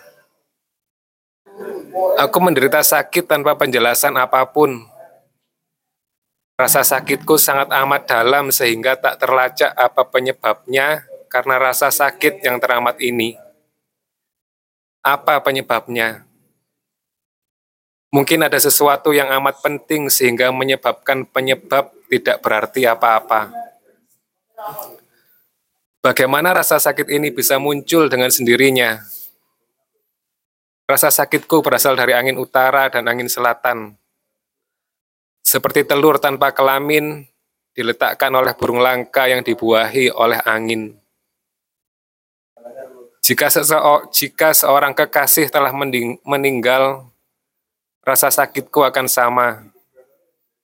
Jika seseorang memotong tenggorokanku sampai ke akar, rasa sakitku akan sama. Jika hidup singkatnya sebaliknya, rasa sakitku akan sama belaka. Hari ini aku menderita amat sangat dalam. Hari ini aku hanya menderita. Aku melihat rasa sakit orang yang kelaparan dan aku tahu bahwa rasa lapar mereka jauh melampaui rasa penderitaanku sehingga aku bisa terus berpuasa sampai mati dan setidaknya satu mata rumput akan muncul dari kuburanku. Sama halnya dengan seorang kekasih, berapa banyak yang diaduk adalah darah mereka dibandingkan denganku, yang tidak memiliki sumber dan tak berguna. Aku percaya sampai sekarang bahwa semua hal di alam semesta tidak dapat dielakkan, ialah orang tua atau anak-anak. Tetapi lihatlah, penderitaanku hari ini bukanlah seorang ayah atau seorang anak laki-laki. Dia kembali pada malam hari, sebanyak dia meninggalkan peti pada fajar, dan jika mereka menempatkannya di ruangan gelap, dia tidak akan memberikan cahaya, dan jika mereka menempatkannya di ruangan yang terang, dia tidak akan membuat bayangan. Hari ini aku menderita apa pun yang terjadi. Hari ini aku hanya menderita. Terima kasih.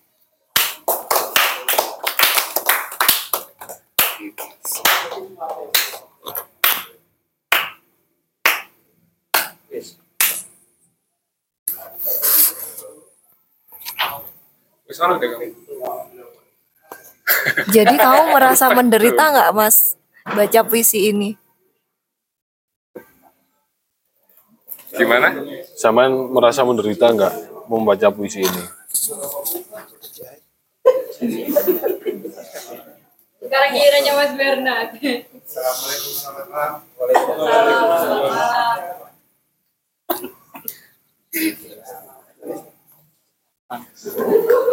Gimana? Hari ini apa kamu menderita? Kan tadi kan terakhirnya kan aku hanya menderita gitu.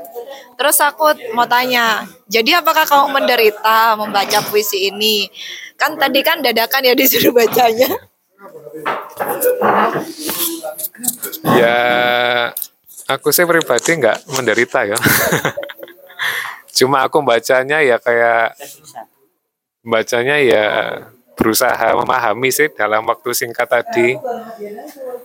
Ya awal-awalnya agak paham tapi akhir-akhirnya tadi kayak agak samar lah maksudnya gimana terus ya menarik aja penggambarannya Ovi tentang menderita itu tadi. Sesar Valeho.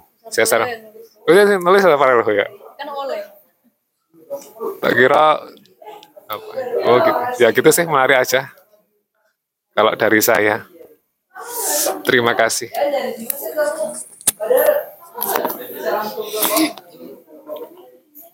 Oke. Menurut saya, langsung. saya itu itu ya pernah mendengarkan ceramahnya Ramdas ketika ada seseorang mengalami penderitaan. Dia itu kan seorang pejalan spiritual yang sampai jadi guru spiritual itu sering apa mendampingi orang-orang yang sudah mau mati gitu. itu sudah difonis sama dokter apa lima hari lagi mati kayak gitu dia mendampingi orang-orang itu agar bisa tenang lah menghadapi itu nah itu dia akhirnya berkesimpulan bahwa Mau nganterin ke perintah. bahwa penderitaan itu tidak memiliki agama atau kebijaksanaan apa-apa. Itu buku nikah. Jadi dia itu bilang bahwa ketika ada orang menderita, apakah Isi sendiri. yang kamu tawarkan kebijaksanaan atau nilai-nilai keagamaan itu kadang-kadang tidak atau seringnya tidak berdampak apa-apa. Nah itu dia berpendapat bahwa kalau untuk menolong orang memiliki penderitaan ya dikasih sesuatu yang paling netral, yang tidak ada ini bajunya yang melekat itu apa yang kenetralan itu. Jadi ya diajak untuk hikmat, diajak untuk khusyuk dalam penderitaannya itu. Karena ya penderitaan itu bisa dialami siapa saja entah itu apa agamanya. Nah ketika saya mendengarkan itu langsung teringatkan oleh itu. Jadi kan banyak ya orang-orang menderita langsung disuruh bersyukur, disuruh apa, dan itu jaminannya nanti biar gak dilaknat, biar apa itu semakin membebani kayaknya.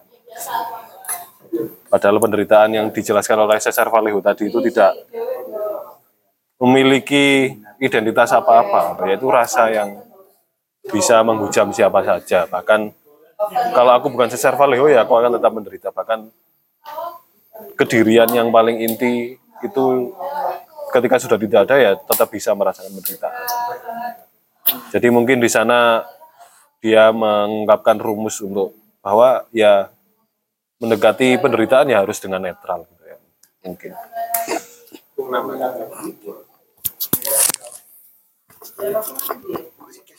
Aku menambahkan tentang ini tadi tak kira yang nulis Ovi ya. Bukan itu. Terus kenapa bagi- kok Cesar Vallejo di print terus? Kirain semua yang nulis tadi Ovi. Enggak. Ada dua sebetulnya. Tak kira itu tadi nama apa? Nama Enggak, enggak. Nama pe- nama, nama pena. Ya nama pena atau gimana? Enggak, enggak. Sebetulnya dua puisi itu banyak sekali membantu ya, membantu membantuku sendiri sangat Oh gitu. uh, bermakna sehingga oh bagaimana kalau misalkan puisi ini tuh dimasukkan juga gitu. Oh ya nggak apa-apa. Siapa tahu bermanfaat juga bagi teman-teman. Kalau enggak juga ya nggak apa-apa.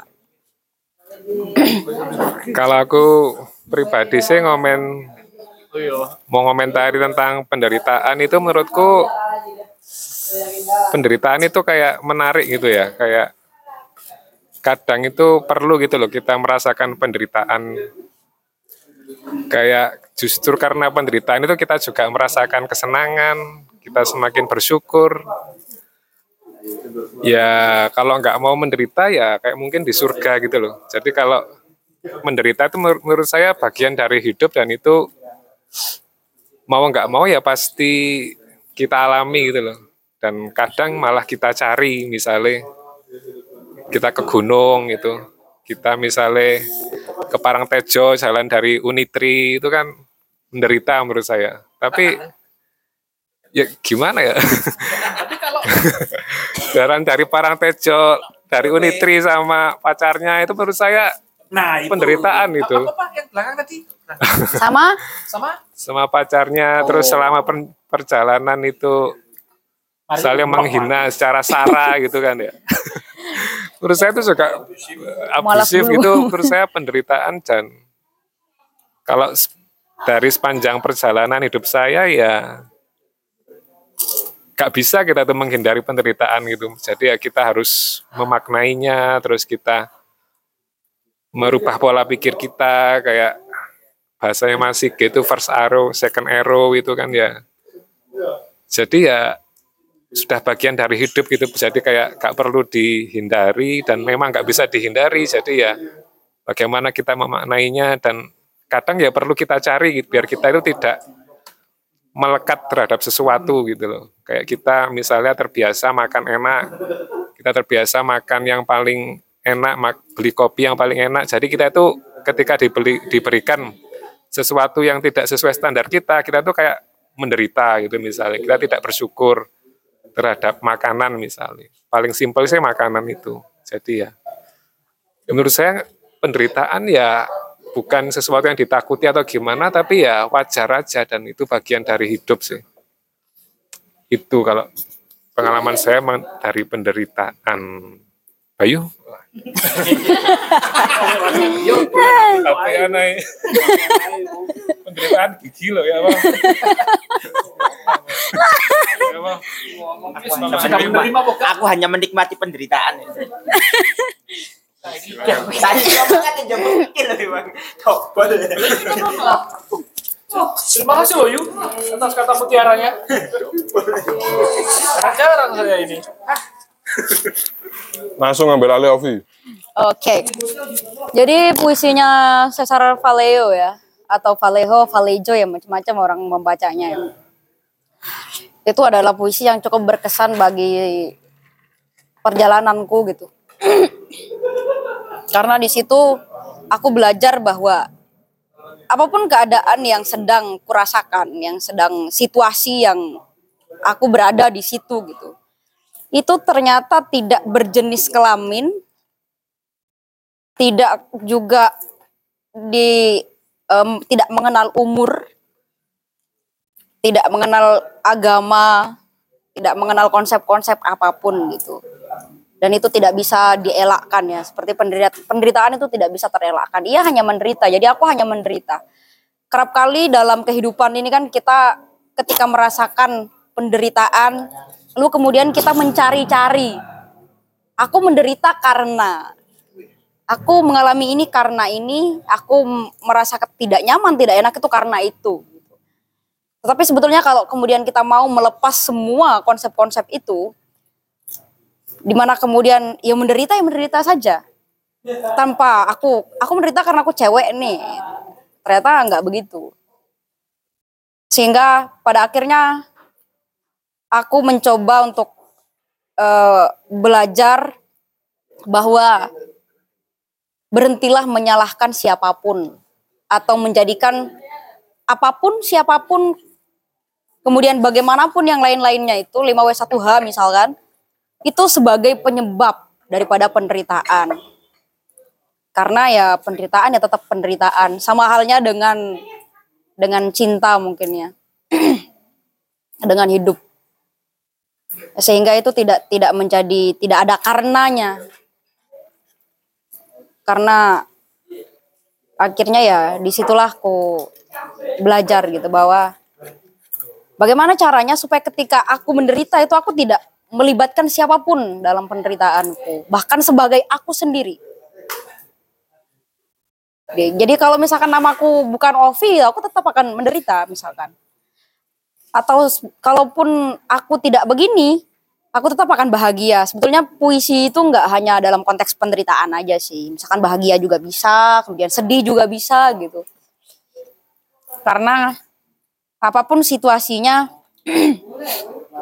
tidak tidak tidak kemudian harus kita hadir-hadirkan atau berusaha mencari-cari karenanya gitu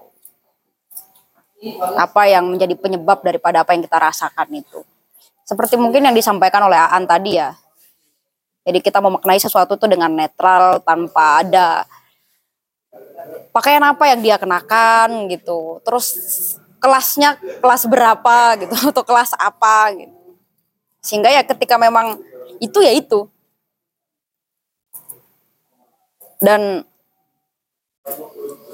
ada yang menarik dari kalimat dalam puisi itu adalah meskipun dia tidak dia bukan siapa-siapa tapi dia tetap merasakan penderitaan yang mungkin sepanjang hidupnya kalau dirunut dari ininya ya dari sejak dari biografinya Cesar Valeo itu sebetulnya agak mengenaskan juga gitu. Jadi beliau adalah seorang penyair asal Peru yang kemudian dibuang dari negaranya sendiri karena dianggap memiliki paham kiri ya menentang pemerintahan pada saat itu gitu.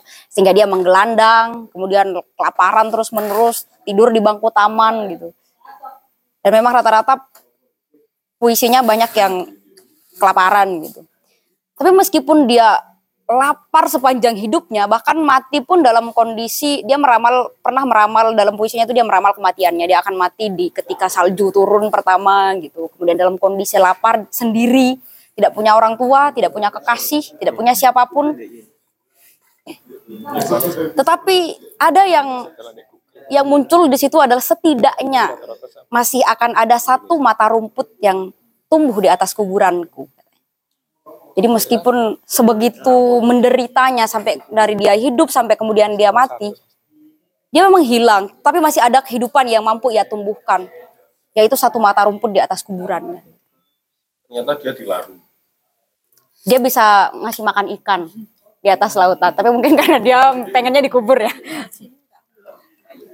Jadi seperti itu. Begitu kira-kira. Ada komentar warga? Saya nambahkan dikit mungkin. Oh boleh. Banyak boleh. Masih kacau.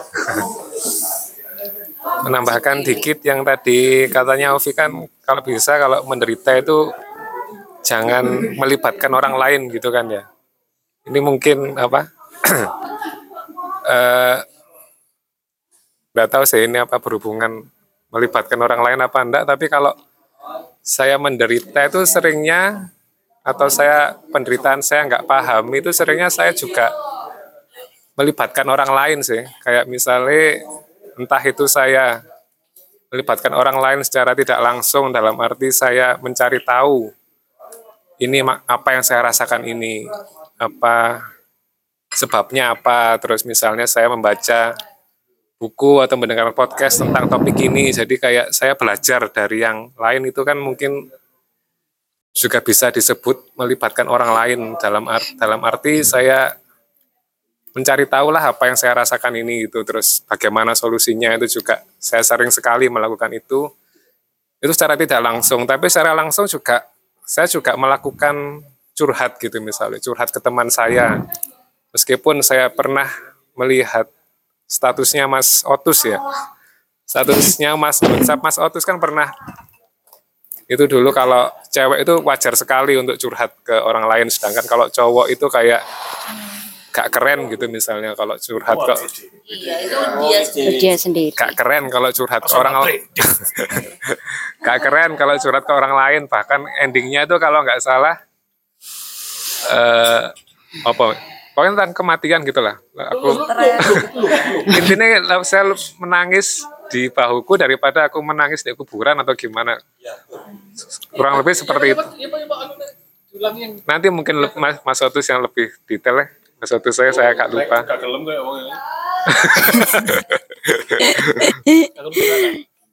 ya intinya seperti itu. Jadi kalau saya nggak paham itu ya untungnya saya ada teman yang bisa saya curhati terus juga kalau berat sekali itu pernah curhatnya ya ke Mas Sigit itu juga.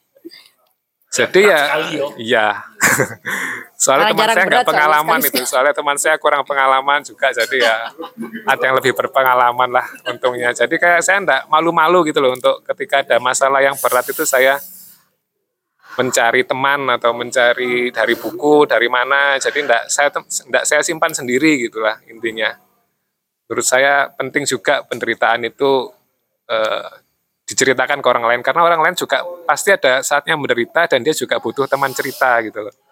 Jadi kayak timbal balik gitu sangat bagus sekali. Saya rasakan sekali untuk ada telinga yang mau mendengarkan kita itu saya rasakan sekali. Jadi kalau menurut saya ya kalau menderita antara kita belajar dari buku, dari mana saja, tapi juga perlu juga ada orang yang mau mendengarkan, bukan berarti kita kadang dihakimi atau gimana, tapi cuma mendengarkan aja itu sangat mencerahkan, kayak di pil-pil ini. Wah, Wah. Uhuy. Mas Otus menambahi. Langsung todok. Harus klarifikasi. Pak. paling kuat. Ya ya. lah iya langsung Iya, yang menambahkan apa yang disampaikan Mas Rifki tadi ya. eh sebenarnya itu kan kalau yang merujuk story saya itu itu kan stigma yang terjadi pada umumnya bahwa laki-laki pantang menangis Dan saya amini. dan saya mengamininya full. Tapi tapi ternyata Otot kan. iya cur. Iku. Wah, kafa. Kakak kakak wis.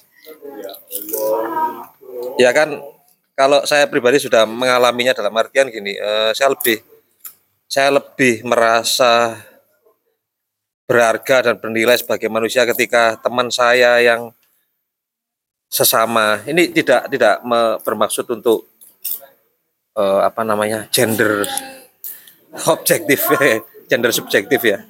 Tapi saya lebih merasa berharga dan bernilai ketika teman laki-laki sahabat saya itu bercerita ke saya dan eh, meluapkan apa pun emosinya entah marah menangis atau apa pun daripada melihat dia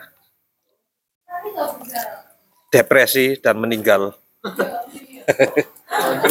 Kok langsung ya ya itu sih kalau dari saya kurang lebihnya seperti itu sih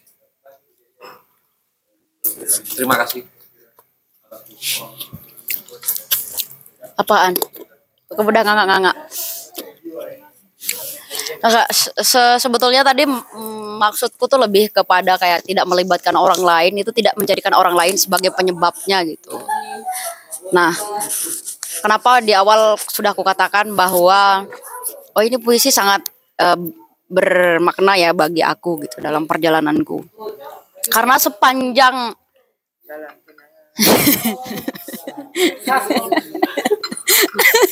Wah, kamu. Ya karena sepanjang perjalananku gitu. Setiap hal-hal yang tidak mengenakkan nih yang terjadi dalam hidupku itu aku kerap kali menjadikan orang lain sebagai penyebabnya. Aku terus menerus berusaha mencari penyebabnya dan penyebabnya itu selalu ketemukan ini orang lain ini. Si ini, si itu, si anu, si ana gitu. Sehingga ketika bertemu dengan puisi itu, oh, jadi penderitaan, hal-hal yang tidak enak itu tetap akan menjadi penderitaan. Mau aku ini siapa, mau aku bagaimana, mau aku adalah seorang yang beragama ini, seorang kapiten, tapi bukan patimura gitu kan. Oh, posisi.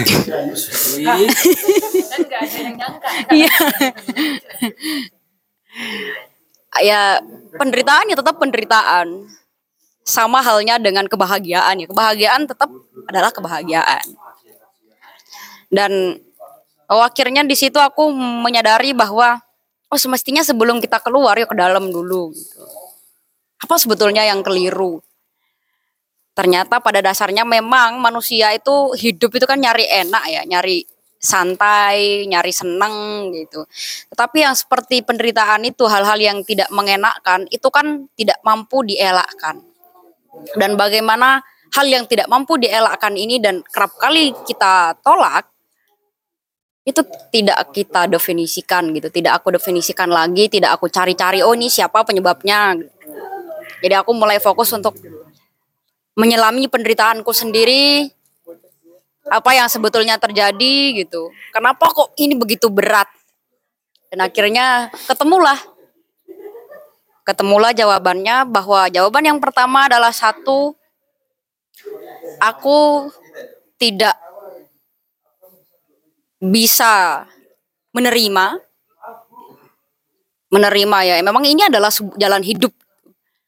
Kemudian yang berikutnya ya aku nggak sadar selama ini. Jadi aku kayak jalan-jalan berusaha bersikap rasional ya, tapi ternyata dalam kondisi tidak sadar gitu. Sehingga akhirnya menimbulkan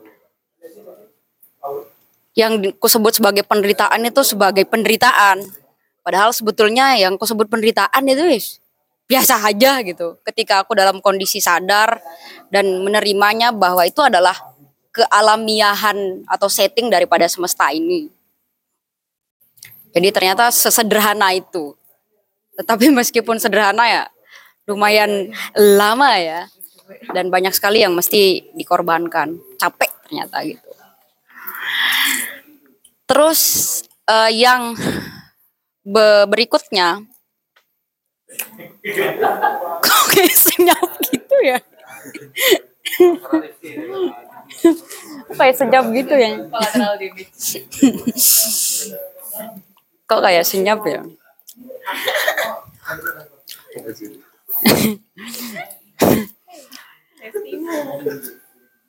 Ternyata yang berikutnya adalah sebagaimana kalimat di dalam film Lovely Man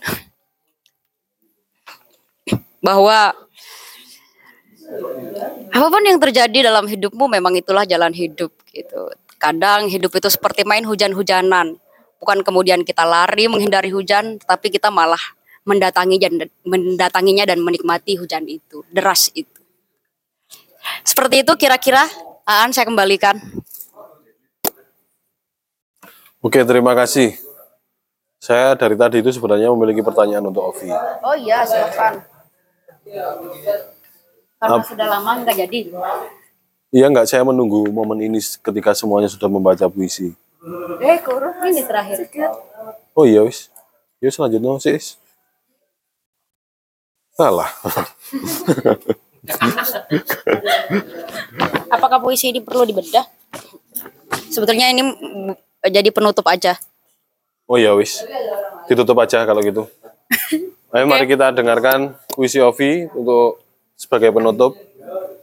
Kamu mau nanya dulu. Lo narik lo ya males Susan. Yesus. Ya oke. Kau usah wis. Bacaan aja. Oke. Kalau gitu saya mau nanya. Oh iya. Oke. Ovi, Ovi, Ovi. Jeng jeng jeng. Ya sih. Sebenarnya apa? eh, aku tadi ketika Mbak Ulin itu nanya, Ovi, apa kamu tuh memang mendesain masing-masing puisi ini terhadap para pembacanya di hari ini secara tiba-tiba, gitu ya? Itu membuatku benar-benar, eh, ya membuatku jadi mengamati gitu. eh, masing-masing puisi yang dibacakan sama masing-masing orangnya gitu. Dan kayak ini kayaknya aku baru apa ya ini kayaknya pengalaman yang lumayan baru gitu untukku kayak membaca puisi menonton orang baca puisi dan lain-lain gitu. Eh, bahwa kayak ternyata apa ya ke, eh, puisi ini kayak benar-benar eh, kata-kata yang ketika dibawain masing-masing orang itu ya akan akan benar-benar beda gitu. Jadi sesungguhnya apa namanya eh, kata-kata kita ini kayak hidup bersama dengan sesuatu yang sangat ya eh, sangat apa ya sangat kuat si sumber daya.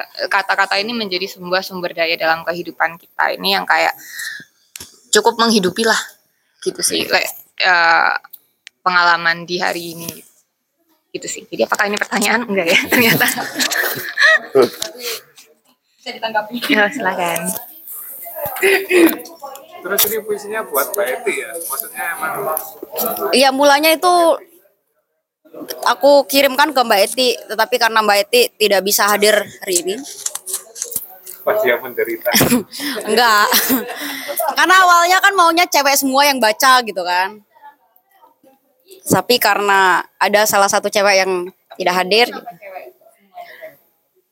ya nggak tahu ya, pengen aja gitu. Feminis. Kan agak agak agak jarang ya, seringnya kan kalau ke Aan ya Lutfi, Aan ya Lutfi gitu, itu, itu terus kan. Khususnya juga itu, itu terus.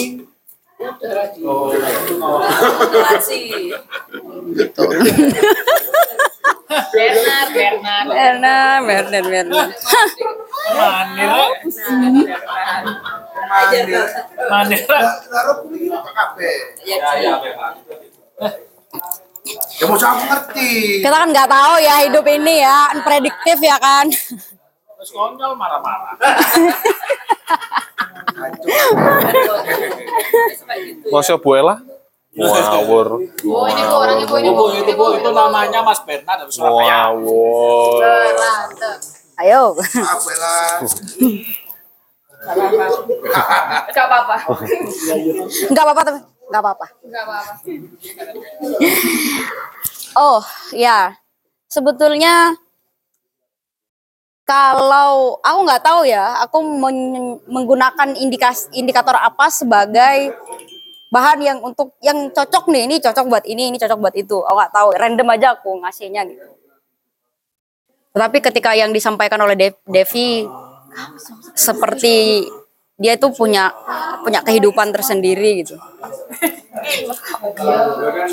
Setelah banyak banyak yang aku lalui, mula-mulanya kan aku tuh agak agak gengsi ya. Satu gengsi terus kemudian takut terus juga sok-sokan gitu untuk mempublikasikan tulisan-tulisanku. Banyak sekali alasannya. Al- Alasan yang pertama itu bahwa aku nggak nggak senang di komen, apalagi disalah-salahkan. Kayak misalnya, ah kamu belum nulis puisi, mbak udah komentar puisiku gitu. Itu alasan das yang paling awal kenapa kok aku nggak pernah mempublish puisi-puisiku atau tulisan-tulisanku. Kemudian yang kedua, aku itu malu. Malu. Malu karena orang akan melihat Berarti kamu tukang ya? tukang malu. Karena ketika puisi itu di, dikonsumsi atau dibacakan kemudian dilihat oleh orang lain, maka sebagai seorang penulis semua kulit-kulitku yang dikelupas satu-satu itu muncul gitu. Jadi bobrokku, kemudian luka-lukaku itu akan kelihatan. Itu membuatku malu untuk mempublishnya. Tapi seiring seiring waktu ini berlalu gitu kan. Terima kasih Mbak Ica seiring berja eh, waktu itu berlalu begitu saja gitu akhirnya aku mulai merubah cara berpikirku dan caraku memposisikan tulisan-tulisanku. Jadi aku menjadikan puisi atau tulisan-tulisanku itu sebagai sebagai anakku anak yang kulahirkan dan kemudian aku membebaskan dia untuk bertemu siapa pun.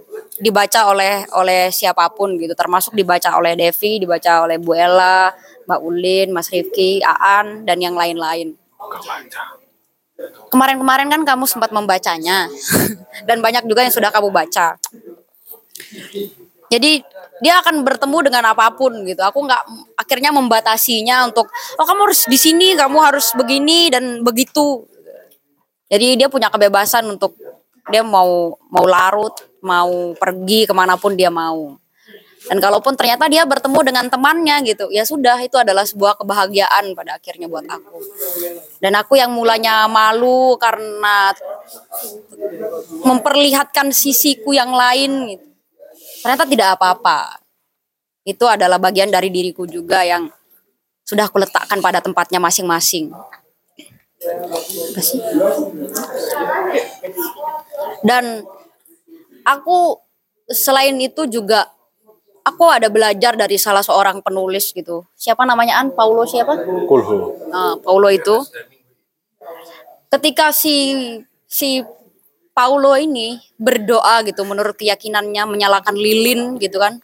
Satu dia selalu menyalakan lilin untuk orang-orang terkasihnya. Terus kemudian menyalakan lilin khusus untuk dirinya sendiri. Terus dia juga menyalakan lilin untuk tulisan-tulisannya dan untuk para pembacanya orang-orang yang menikmati tulisan-tulisannya itu. Jadi di situ aku mulai setelah membaca itu aku mencoba oh kayaknya ini menyenangkan. Dan melalui cara itu aku bisa melepaskan semuanya begitu saja. Tidak terikat bahwa wah ini harus dimaknai ini nih harus dimaknai itu. Jadi aku nggak menjustis orang yang suka atau nggak suka dengan puisi. Udah begitu saja. Kira-kira jadi dalam dalam heningku aku selalu mencoba untuk memanjatkan doa kepada orang yang membacanya, yang melihatnya, kepada tulisan-tulisanku dan kepada diriku sendiri yang oh ya begitu akhirnya. Sudahan.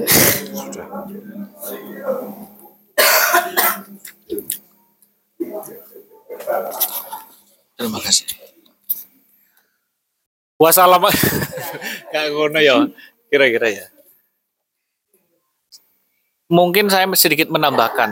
eh, saya merilit-rilitkan diri saya eh, dengan Ovi.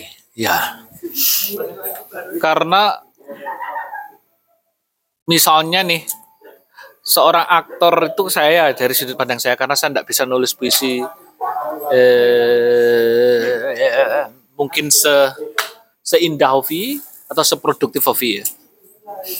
Tapi menurut saya menulis puisi dan menciptakan tokoh itu punya kemiripan yang sama karena kita memberikan ke mengungkapkan kerentanan. Bahkan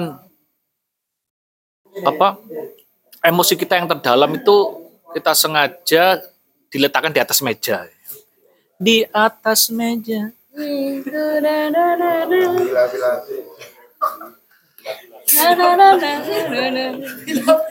kerpuse rek kerpuse jeli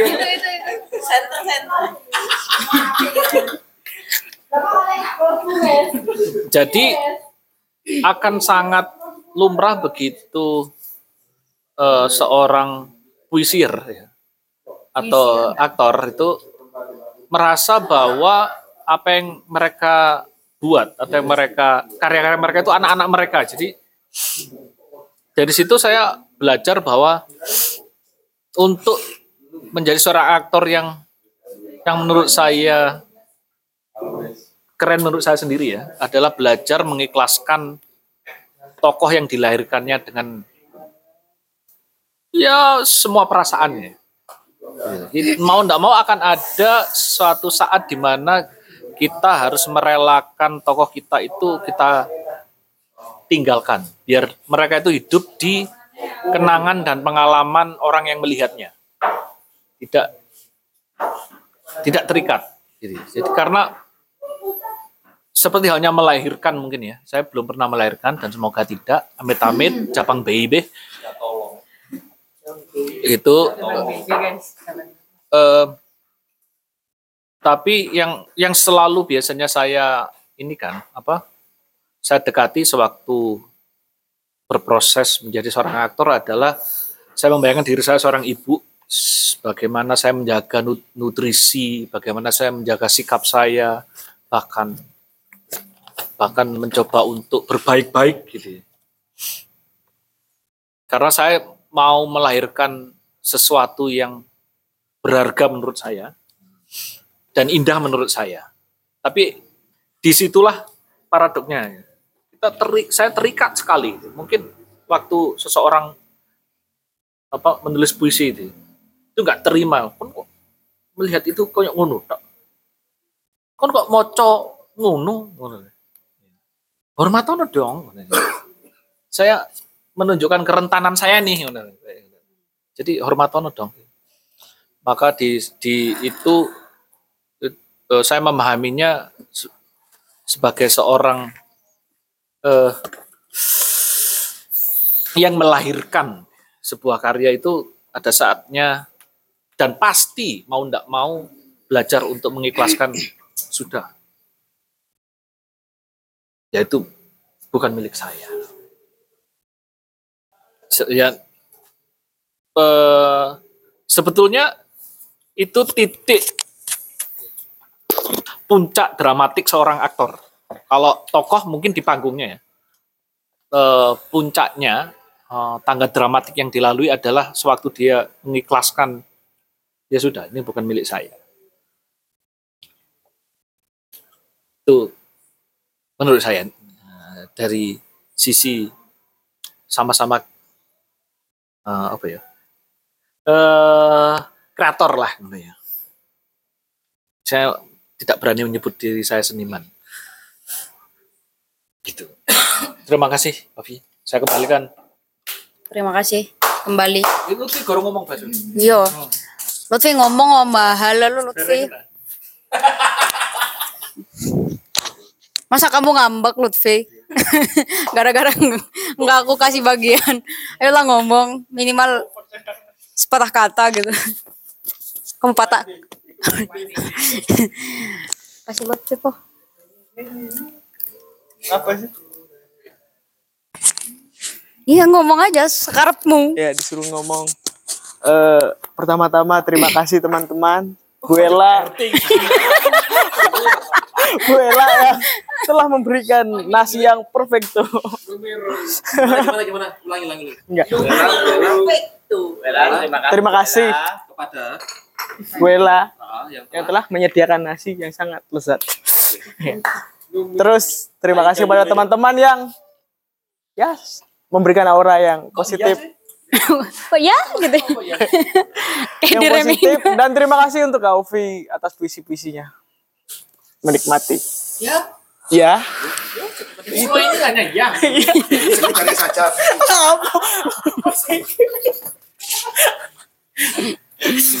Ampun masih Loh. Setelah iya berarti selesai ya? Oh, gitu penutupnya. Ya gitu kalau begitu ya udah. Bagaimana An? Oke, silakan dilanjutkan puisinya. Ovi, Ini translate-nya dibaca apa enggak? dibaca aja. Oke. Jadi terakhir Ayo kita hening sejenak.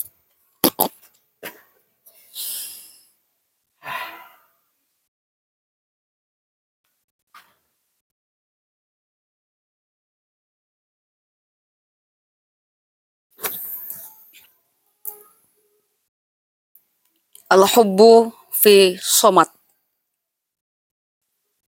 Indama amutu ka insanin sata'til malaikati wa tad'uni litayrani ila a'las samai. Ketika aku mati sebagai manusia, maka para malaikat akan datang dan mengajakku terbang ke langit tertinggi. Wa indama amutu malakan faman sayati ilayya. Dan ketika aku mati sebagai malaikat, maka siapa yang akan mendatangiku? La yumkinuka takhayyul dalika. Kau tak akan pernah dapat membayangkan. Anta a'la minas sama wal ard. Maza saufa aqulu aktsara min zalika. Kau lebih mahal dibandingkan surga dan bumi. Lalu apa yang bisa kau katakan lagi? Anta la ta'rafu anna kulla hadzal waktu kana dha qimatan laka. Sesungguhnya kau tak mengetahui bahwa selama ini segala yang berharga telah menjadi milikmu.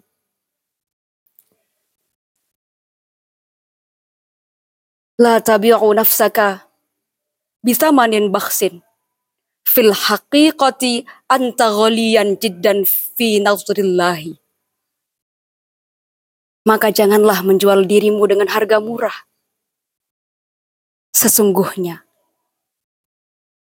sesungguhnya, sesungguhnya dirimu sangatlah mahal di mata Tuhan. Oleh Jalaluddin Rumi. Terima kasih. Baik, terima kasih. Sampai jumpa di episode selanjutnya. Wassalamualaikum warahmatullahi wabarakatuh.